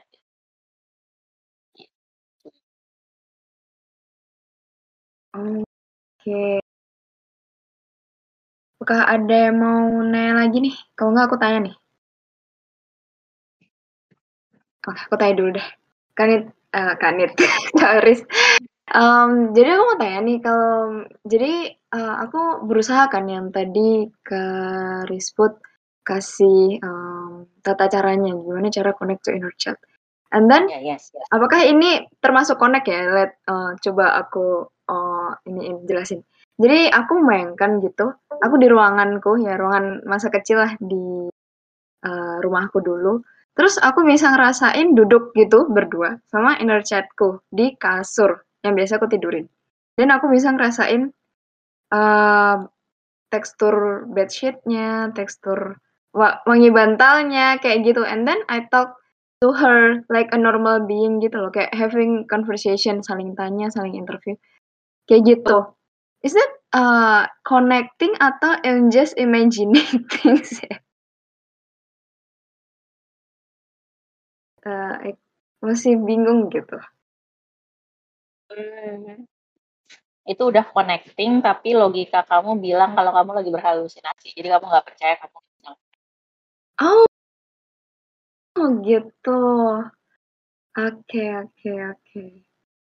Susah emang log eee, otak logika nih emang rese gitu. Kita butuh karena kita butuh pakai logis kan buat kehidupan sehari-hari, tapi kalau untuk hal-hal tertentu dia rese banget em Mmm, mhm mhm. Oke, no oke, mmm, mungkin aku harus lebih latihan lagi. Ini ada pertanyaan nih Kak Rizput. Ada Kak Airin Irin. Tadi bahas dibahas tentang mimpi, jadi penasaran, kalau aku tidur setelah subuh selalu mimpi buruk dan menegangkan, jadi pas kebangun kerasa lelah dan pusing banget. Itu kenapa ya? Kayak gini, kalau yang, eee, makanya disarankan setelah subuh itu jangan tidur lagi, karena habis itu biasanya diganggu. Kalau ini, eee, keganggu. Dengan yang lain. Gitu. Begitu. Oke. Tapi Yang ya, eee, bukan yang bukan yang nempel ya, yang ya kayak ngeganggu aja kalau misalnya yang tidur lagi habis subuh gitu. Yang lewat-lewat gitu doang lah. Ketika nih asik banget inner child-nya shopping, gile. Luar biasa. Itu boleh di-elaborate ketika gimana tuh shopping gimana tuh? Mana nih ketika? Kah ada? Lagi typing. Kayaknya nyaman momen gitu dah, mungkin great memory gitu kali ya? Oh, bukan, eee, bukan inner child, berarti dia grounding, grounding-nya shopping berarti. Oh gitu. Oke. Jadi misalnya lu lagi, uh, ya lu lagi, uh, fokus ke nafas gitu ya, mungkin nggak meditasi gitu, tapi kalau lu sambil scroll-scroll Tokopedia atau Shopee gitu misalnya itu juga bisa jadi grounding. Nggak usah nggak usah shopping beneran, lu scroll-scroll aja kayak milih-milih gitu. Masukin ke masukin ke keranjang masukin ke keranjang. Jangan sampai check out aja ya. Nah, kalau check out mah terserah, terserah aja sih. Kan masukin keranjang doang kan masukin keranjang. Keranjang udah 99 plus. Inner childku be crazy sama sahabat. Gimana tuh Kak Inga? Ini inner child apa grounding ya? Lu merasa oh. nyaman atau gimana nih? Tuh Kak Inga. Coba coba. Coba bedanya gimana Kak inner child sama grounding? Uh, grounding tuh uh, grounding itu adalah yang bisa bikin lu tuh sadar bahwa lu lagi ada di badan lu yang sekarang. Jadi apa pikiran lo tuh nggak lagi ke mana-mana nggak lagi di Narnia gitu nggak pikiran ya lo lagi sadar bahwa oh misalnya gue gue sekarang sadar gue lagi duduk gue lagi menghadap ke laptop gue gue lagi uh, ada sesi sharing satu spirit. Nah itu grounding. Tapi yang bisa narik uh, eh, itu sadar. Kalau grounding itu misalnya gue lagi meditasi gue kalau mau grounding biasanya gue itu ingat kalau gue sih ya gue ingat mukanya bapak ibu gue di di, di itu grounding. Salah satu grounding yang paling powerful juga karena itu bisa jagain dari yang aneh-aneh. Nggak akan yang aneh-aneh nggak akan bisa masuk kalau misalnya lo lagi bayangin bapak ibu. Kalau misalnya case-nya kayak gini gimana kak? Ketika aku lagi diem atau lagi ya merenung gitu kan kayak aku tuh mm -hmm. merasa jadi karakter utama di dunia dan di dunia aku sendiri yang aku tuh bisa uh, apa ya kayak menciptakan sesuatu atau membuat hmm. peraturan uh, guideline lain sebagainya lah di dunia itu dan kayak uh, itu tuh aku yang ngatur semua dan aku jadi karakter utamanya itu masuk inner child gak? Uh, wah itu agak kecampur dikit jadi gini kalau bisa ya saranku coba kamu tulis deh jadi nanti bisa dibedain mana yang imajinasimu, mana yang emang inner childmu yang lagi ngomong. Karena itu kayaknya agak kecampur sih kalau aku rasa ya. Inner childnya ah. iya ada, tapi ada juga bumbu-bumbu yang ditambah jadi imajinasi. jadi saranku adalah coba ditulis gitu. Nanti kan bakalan kelihatan tuh patternnya mana yang akan muncul terus di di beberapa uh, di beberapa situasi. Misalnya ceritanya uh, nyambung atau ceritanya beda-beda nih uh, crazy-nya sama sahabat bentuknya gimana gitu atau sahabatnya yang itu itu aja atau ganti-ganti orang itu kan nanti patternnya kelihatan gitu. ah, okay. yang ada patternnya itu berarti inner child oh menarik menarik jadi kayak kalau misalnya nyambung dan make sense itu berarti inner child ya Karis ada ada patternnya dia akan berulang Hmm. Oke. Terus kalau if I if I may ask apa connecting with inner child like connecting with like uh, subconscious mind gitu kah? Uh, yes. Hmm. Tapi partnya inner child gitu ya? Inner child itu tadi aku bilang dia ada di bagian unconscious, tapi -hmm. uh, makanya uh, makanya jatuhnya jadinya ego karena nggak sadar kenapa aku bilang kalau uh, uh, ditulis, dicatat biar kelihatan patternnya, biar itu jadi awareness. Awareness itu posisinya udah di subconscious. Kamu bisa kenapa awareness bisa dirubah? Kenapa kalau misalnya kamu udah aware bahwa oh harusnya gue tidak seperti ini, gue mendingan ngerubah? Karena udah di bagian subconscious itu lo bisa berinteraksi dengan bagian subconscious. Kalau dengan unconscious masih belum bisa berinteraksi. Oh, itu. Ya, okay. clear, clear. Ini Kak last know. Kak kalau misalkan ketemunya pas lagi SMA, ketemu sesuatu yang pengen didengerin, apakah itu inner child juga? Betul. SMA termasuk ya? Termasuk ya. Hmm. Okay. Gue pun sekarang ketemu inner child gue udah bukan umur kayak di bawah 10 tahun lagi, dia udah agak-agak remaja dia sekarang kayaknya ada sesuatu di remaja gue yang mungkin harus gue dengarkan tapi dia uh, triggernya agak agak jarang jadi gue masih belum sampai dewasa juga jadi inner child ya Kak, Kak Habibah. Jadi kita bisa belum, jadi kita belum bisa memaknai. Gimana tuh? Uh, sebentar, sebentar. Gue lagi baca Kavile. uh, ketika nih, kudunya gue siapa ngomong bahas apaan? Topet dulu hobi masih bingung. Ketika, kenapa? Uh, Oke, okay, Kak Abibah ya, sampai dewasa juga jadi inner child ya Kak, jika kita belum bisa memaknai, oh ya, yes. Karena itu kan bagian dari otak, yang uh, tadi kan aku bilang bagian dari otak yang tidak dilewati sama si sirkuit otak logis kita kan. Jadi kalau misalnya dilihat di MRI, kalau misalnya dia ke-trigger itu adalah bagian otak kita yang ini, yang lain. Yang mungkin tidak dilewati sirkuit. Jadi kayak misalnya sirkuitnya uh, ke lurus ke atas, terus belok kanan, terus uh, turun ke bawah, terus belok kiri. Itu kan dia udah muter tuh. Tapi sebenarnya si posisi inner child-nya itu kayak, oh dia posisinya ada tiga di bawah, belok ke kanan, belok ke kiri, belok kanan ke kiri, dia ada itu posisi inner child di tapi nggak dilewatin sirkuitnya gitu loh. Ngerti nggak sih? kayak gitulah kira-kira bayangannya.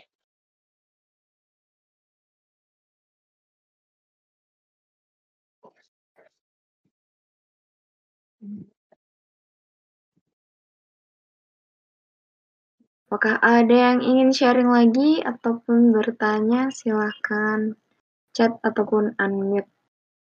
Tapi kak, aku pengen tanya lagi nih. Kayak gue banyak tanya. Um, jadi, gak kayak for example yang tadi aku cerita kak, udah ketemu nih. Tapi tuh kayak nggak pengen ninggalin gitu loh, karena masih sayang banget gitu. Jadi waktu aku ketemu dan connect, itu rasanya kayak gue peluk-peluk, gue cium-cium gitu si anak kecilnya karena sayang banget dan gak mau ninggalin. Itu gimana tuh kak? Tapi dia akhirnya pergi sendiri kan dia? Iya dia akhirnya um, udah sana gitu kayak nyuruh. Iya, iya udah udah udah udah udah udah, uh, udah gitu. Dia dia pergi nanti dia, dia pergi. Gak mau sama gitu. aku.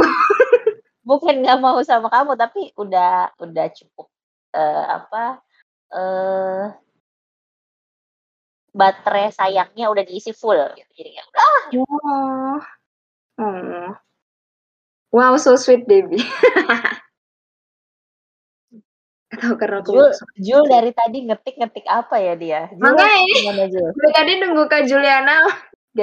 Kalau gitu misalnya suka tertrigger pas lagi dituduh yang nggak benar. Meskipun bukan memori masa kecil, tapi inner child ya, tanda tanya. Kemungkinan uh, ya itu ya inner child dan kemungkinan besar kamu lupa memorinya sih. Kayaknya pernah sih kamu ngalamin kayak gitu. Gitu. Mau deh sini sini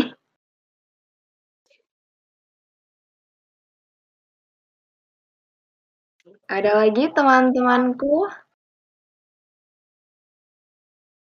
Kak Julina typing lagi ngomong aja Kak Jul kenapa sih lagi di kelas apa lagi kerja apa gimana sih Jel? Bukannya kerjanya malam. Tapi ini Sabtu juga sih.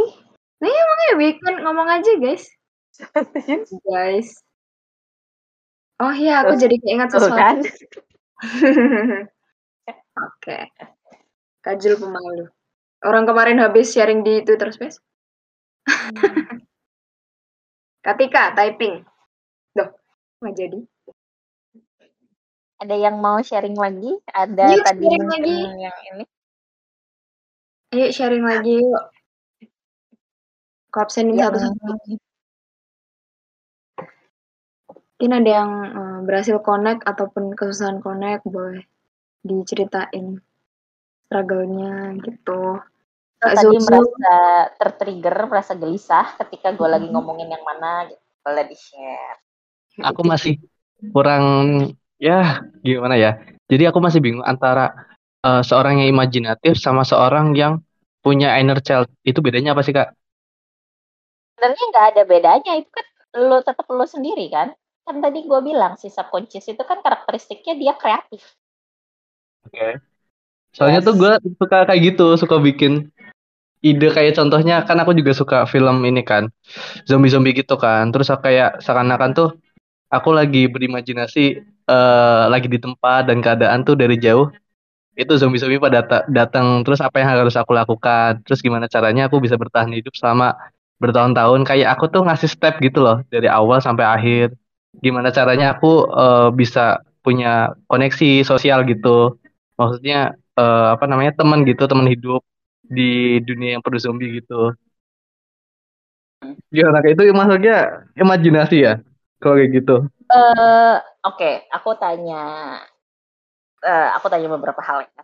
Itu kan ceritanya lagi zombie nih kamu iya. pernah ada uh, bikin lagi di suatu kasus kamu lagi isekai tiba-tiba pindah ke dunia lain dimensi lain terus kamu apakah di situ kamu juga kayak ini step-stepnya kalau gue mau bertahan hidup di dunia ini gue harus begini gue harus ketemu teman yang kayak gini-gini. Kalau misalnya gue pengen punya cewek di, di dunia ini harus begini-begini. Apakah kayak gitu? Pernah nggak kayak gitu juga?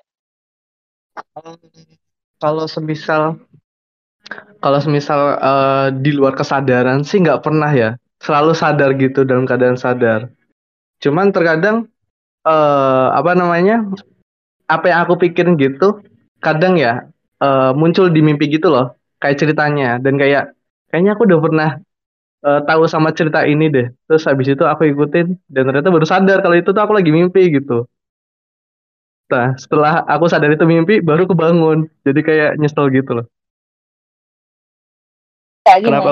Uh, soalnya gini ya dari yang kamu ceritain sebenarnya yang patternnya adalah kamu kayak problem solve gitu loh. Kamu berusaha memberikan suatu hmm. uh, ketika kamu dihadapkan pada suatu situasi dan kondisi tertentu, kamu ngasih problem solving. Kamu mikir kayak kalau mau gini gimana, kalau gue mau bertahan gimana, kalau gue mau nyari cewek atau mau cari teman gimana. Iya. Yeah. Nah, kalau misalnya pattern itu ternyata berulang, mungkin itu sebenarnya adalah si inner child-nya itu. Dia dia dia pengen ngasih pro, problem solve gitu ke orang. Karena mungkin dulu dia pengen ngasih saran tapi mungkin nggak didengerin atau dia ngasih saran tapi nggak dianggap karena mungkin kamu anak paling kecil atau gimana gitu. Jadinya kayak inner child tuh kayak sekarang jadi kayak ini kok bisa kok gue nyelesain. Kalau ada situasi kayak gini gitu. Yes, that's right. Nah, coba uh, makanya aku bilang tadi coba dilihat yang muncul sama patternnya itu apanya. Apakah ceritanya yang sama atau apakah di setiap cerita itu kamu berusaha melakukan sesuatu, misalnya kayak problem solving, kamu ngasih step-stepnya. Hmm, ya, ya, ya, ya, ya. Gitu. Atau kamu misalnya uh, uh, selalu kayak misalnya di gunung gitu. Uh, ininya yeah. ya background ceritanya di gunung atau background ceritanya selalu di dekat laut di pantai gitu. Ya, ada ada yang berulang mas, ada patternnya di situ. Nah, yang dicari itu patternnya sih. Karena itu Allah Akbar. Karena itu inner child-nya, si pattern-nya itu yang yang berusaha ditunjukkan sama Ah, thank you kak. Gitu. Udah udah udah jelas ya sekarang ya. Udah. Oke oke.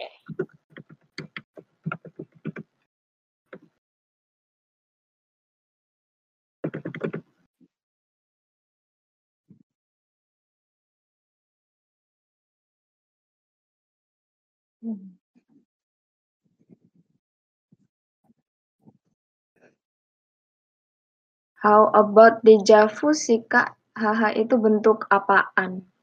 uh, ada beberapa, uh, ada beberapa orang yang menawarkan beberapa definisi berbeda. Ada yang bilang kalau itu, uh, sesuatu yang kita pernah kejadian ke di kehidupan sebelumnya, ada yang definisinya kayak gitu. Ada juga yang menawarkan pemahaman bahwa uh, secara fisika kuantum kan sebenarnya ada tuh parallel universe, gitu kan.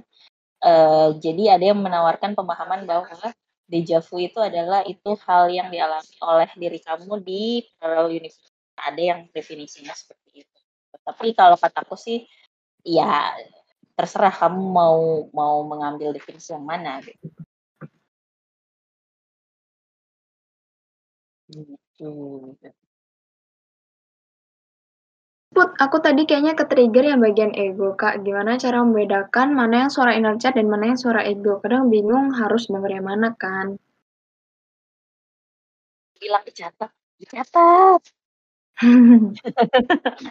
Oke, aku ulangin lagi ya. Uh, inner child itu posisinya dia di unconscious, unconscious mind. Nah, ego itu posisinya di conscious mind. Terus gimana cara bedainnya? Karena unconscious dia selalu pengen tampil di conscious mind. Gimana cara bedainnya? Gini, ini kan aku bilang ada set intention sama value. Value ini dia beda sama goals, beda sama tujuan, beda sama to-do list. To-do list sama goals itu yang bikin ego. Kalau value, value itu yang bikin pasti inner child, yang asli, dirimu yang asli. Nilai dirimu yang asli itu gimana? Nilai dirimu yang asli itu bukan gini. Pertanyaan gampangnya gini kalau mau nemu. Kalau kamu tidak pakai embel-embel apa pun, kamu uh, gini, kalau kayak di aku jadinya aku tuh bukan Risput yang pernah belajar uh, teknik kimia di ITB. Aku bukan Risput yang uh, yang pas sekolah ranking satu terus. Aku bukan Risput yang kenal dengan sekian banyak teman. Aku bukan Risput yang bisa ini itu ngerti ini itu dan segala macam. Kalau aku tanpa embel-embel itu semua, aku itu siapa? Aku itu yang seperti apa? Nah itu yang paling gampang itu value-nya. Karena biasanya susahnya nemu value-nya adalah ketutup. Oh, gua adalah orang yang dari SD sampai SMA ranking satu terus. Gua adalah anak yang paling pinter di keluarga. Itu kan embel-embel semua tuh. Gua adalah yang paling misalnya yang paling uh, artsy di keluarga gue yang paling ngerti seni di keluarga gambar gue paling bagus atau gue yang suaranya paling bagus nah itu kan embel-embel semua gua kerjanya di sini gaji segini, gua tinggal di Jepang, gua orang Indonesia tapi tinggal di Jepang itu juga embel-embel. Kalau embel-embelnya semua dilepas, kamu itu siapa? Nah itu, itu. bisa bedainnya di sini.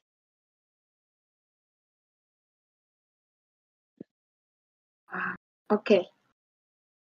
Kalau gitu jadi pengen nanya lagi, apakah kalau misalnya tiap kita sangat marah, kitanya sampai nangis gitu loh, Apakah itu reaksi aja atau emang sesuatu dari inner child yang mungkin nggak merasa didengar kita mar ketika kita marah? Eh, betul, dua-duanya betul.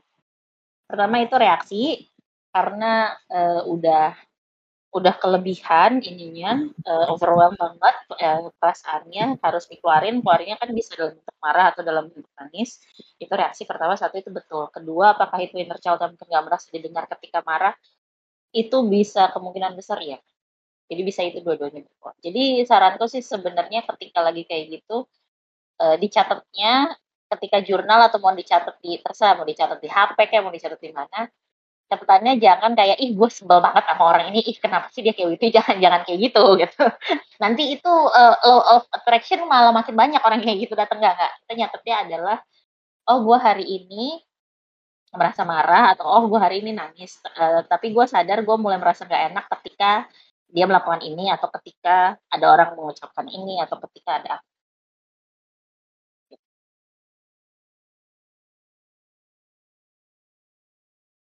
Oke. Nah, ini Kak Fristi nyambung yang tadi Kak, yang inner child dan ego. I see. Jadi value yang value, value hidup yang dipegang kali ya Kak. Misal aku yang menghargai komitmen, nggak bisa bohong, nggak suka ngeliat kecurangan. Itu berarti apakah all real self? Real self?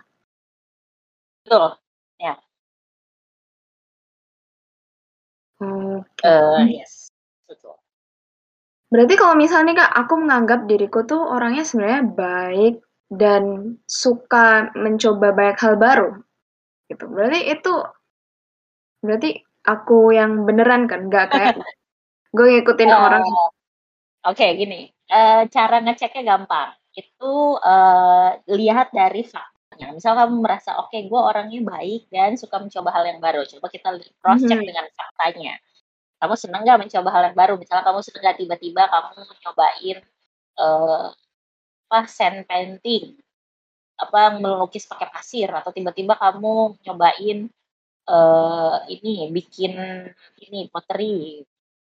Maksudnya ikut kelas pottery ya. misalnya kayak kamu tiba-tiba nyobain sesuatu yang baru yang aneh-aneh gitu yang orang belum nyobain kamu nyobain. Mm -hmm. Nah, kalau misalnya kamu ternyata yang sering kayak gitu-gitu, ya berarti benar. Maksudnya apa yang kamu pikir dengan ceritanya itu memang berarti memang benar. Gitu. Bukan kayak cuma itu pendapatku aja kali ya kak gitu. jadi coba aja dicek dengan faktanya beneran oke oke jadi jadi makin confused nih tadi oke oke thank you Karis buat oke apakah ada lagi yang mau sharing ada yang ke-trigger tadi waktu disebut ego kayaknya gue tuh kadang-kadang temperamennya naik waktu kenapa ya waktu ada circumstances apa ya? Itu mungkin bisa diceritakan. Atau ada yang mau tanya lagi teman-teman? Nih banyak yang typing aku tungguin ya. Cepat-cepatan. Pasti naik kalau ketemu mama. Waduh Katika. Saya juga, eh, kada Frisi juga saya waka-waka ke-trigger waktu tadi Karisput bilang nggak mau rekonsel sama orang tua karena ego. Ke-trigger. Sama-sama, banyak ya. Ada Kafris, Tika-Tika, Kafilia. Tapi kalau misal nih, Kak, uh, ke-triggernya tuh bukan marah, tapi kayak malah sedih gitu gimana ya? Kayak nangis gitu. Kayak misalnya dengar suara orang tua jadi malah nangis tuh. Tapi bukan kangen juga kayak kayak nggak kangen tapi kayak waktu denger gitu nangis. With inner child or itu ke trigger juga tapi triggernya bukan marah ya? Mm -mm. nangis. Mm -mm. saya ngomongin papi misalnya. Terus nangis atau karena empati aja because mungkin karena gue ngerasa oh papa udah has been through so much jadi gue kasihan gitu. Oh. ya tapi sering sih kayak gitu. Parents itu sumbernya macam-macam inner child. Ya I agree sih karena keluarga itu yang membentuk our childhood and most of our personality I think. Uh, iya, yang kalau ngerasa sedih atau ngerasa marah atau ngerasa males kalau wah itu uh, itu trigger. hmm. Apa uh, itu core values? ya, jadi itu adalah values itu bukan uh, kamu bisa milih dari itu semua. Yang paling connect dengan kamu apa? Berarti itu adalah value. Itu. Dan ingat value-nya di usia berapa atau masa hidup yang apa bisa beda-beda. Jadi hmm. kalau kamu mau 250-nya kamu merasa connect silakan gitu. Tapi biasanya yang sedang uh, yang saranku adalah coba dilihat tiap tahun gitu. Oh, oh gue paling connect misalnya hanya dengan 5 atau 10 tahun ini. Terus tahun depan misalnya oh gue uh, ada 5 dan 10 tapi misalnya berubah gitu view-nya. Jadi uh, nanti tahu sebenarnya uh, kita tuh value-nya apa aja sih?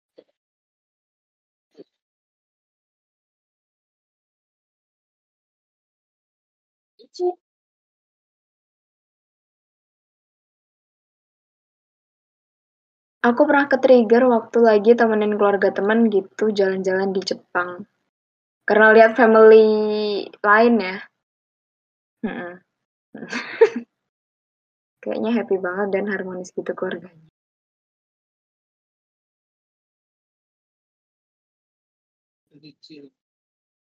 Mungkin ada yang pengen sharing juga terkait core values, ada yang pengen cerita, aku value-nya ini kak karena gini atau aku value-nya ini ini ini tapi dulu nggak gitu padahal. Gak apa-apa, nggak salah kok. Maksudnya yang dipilih dulu kan memang sesuai dengan kondisi yang dulu, hmm. yang dipilih sekarang sesuai dengan kondisi yang sekarang. Tuh. Benar.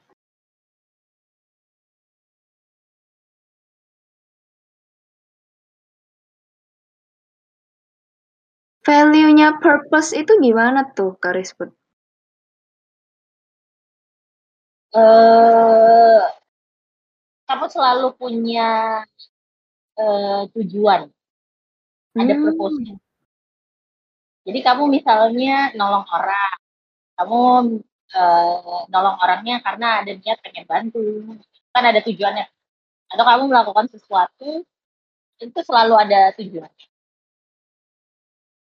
Tujuannya yang baik ya, maksudnya bukan tujuannya bukan tujuan yang aneh-aneh nih. Gitu. Hmm, hmm, hmm.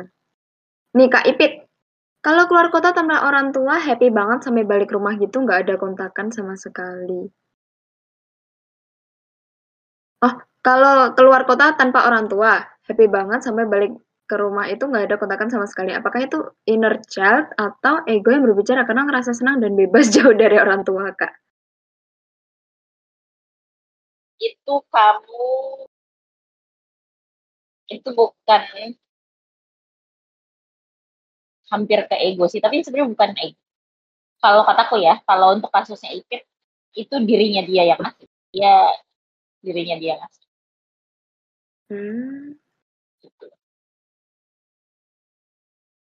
Banyak yang relate ya. Kak Fristi, Kak Alvina. Atau bisa juga gini, apakah itu selalu patternnya seperti itu? Karena bisa jadi, bisa jadi itu inner child yang pengen kabur dari rumah. Dia dia pengen lari tapi uh, mungkin alasannya tidak seperti yang kamu bayangkan.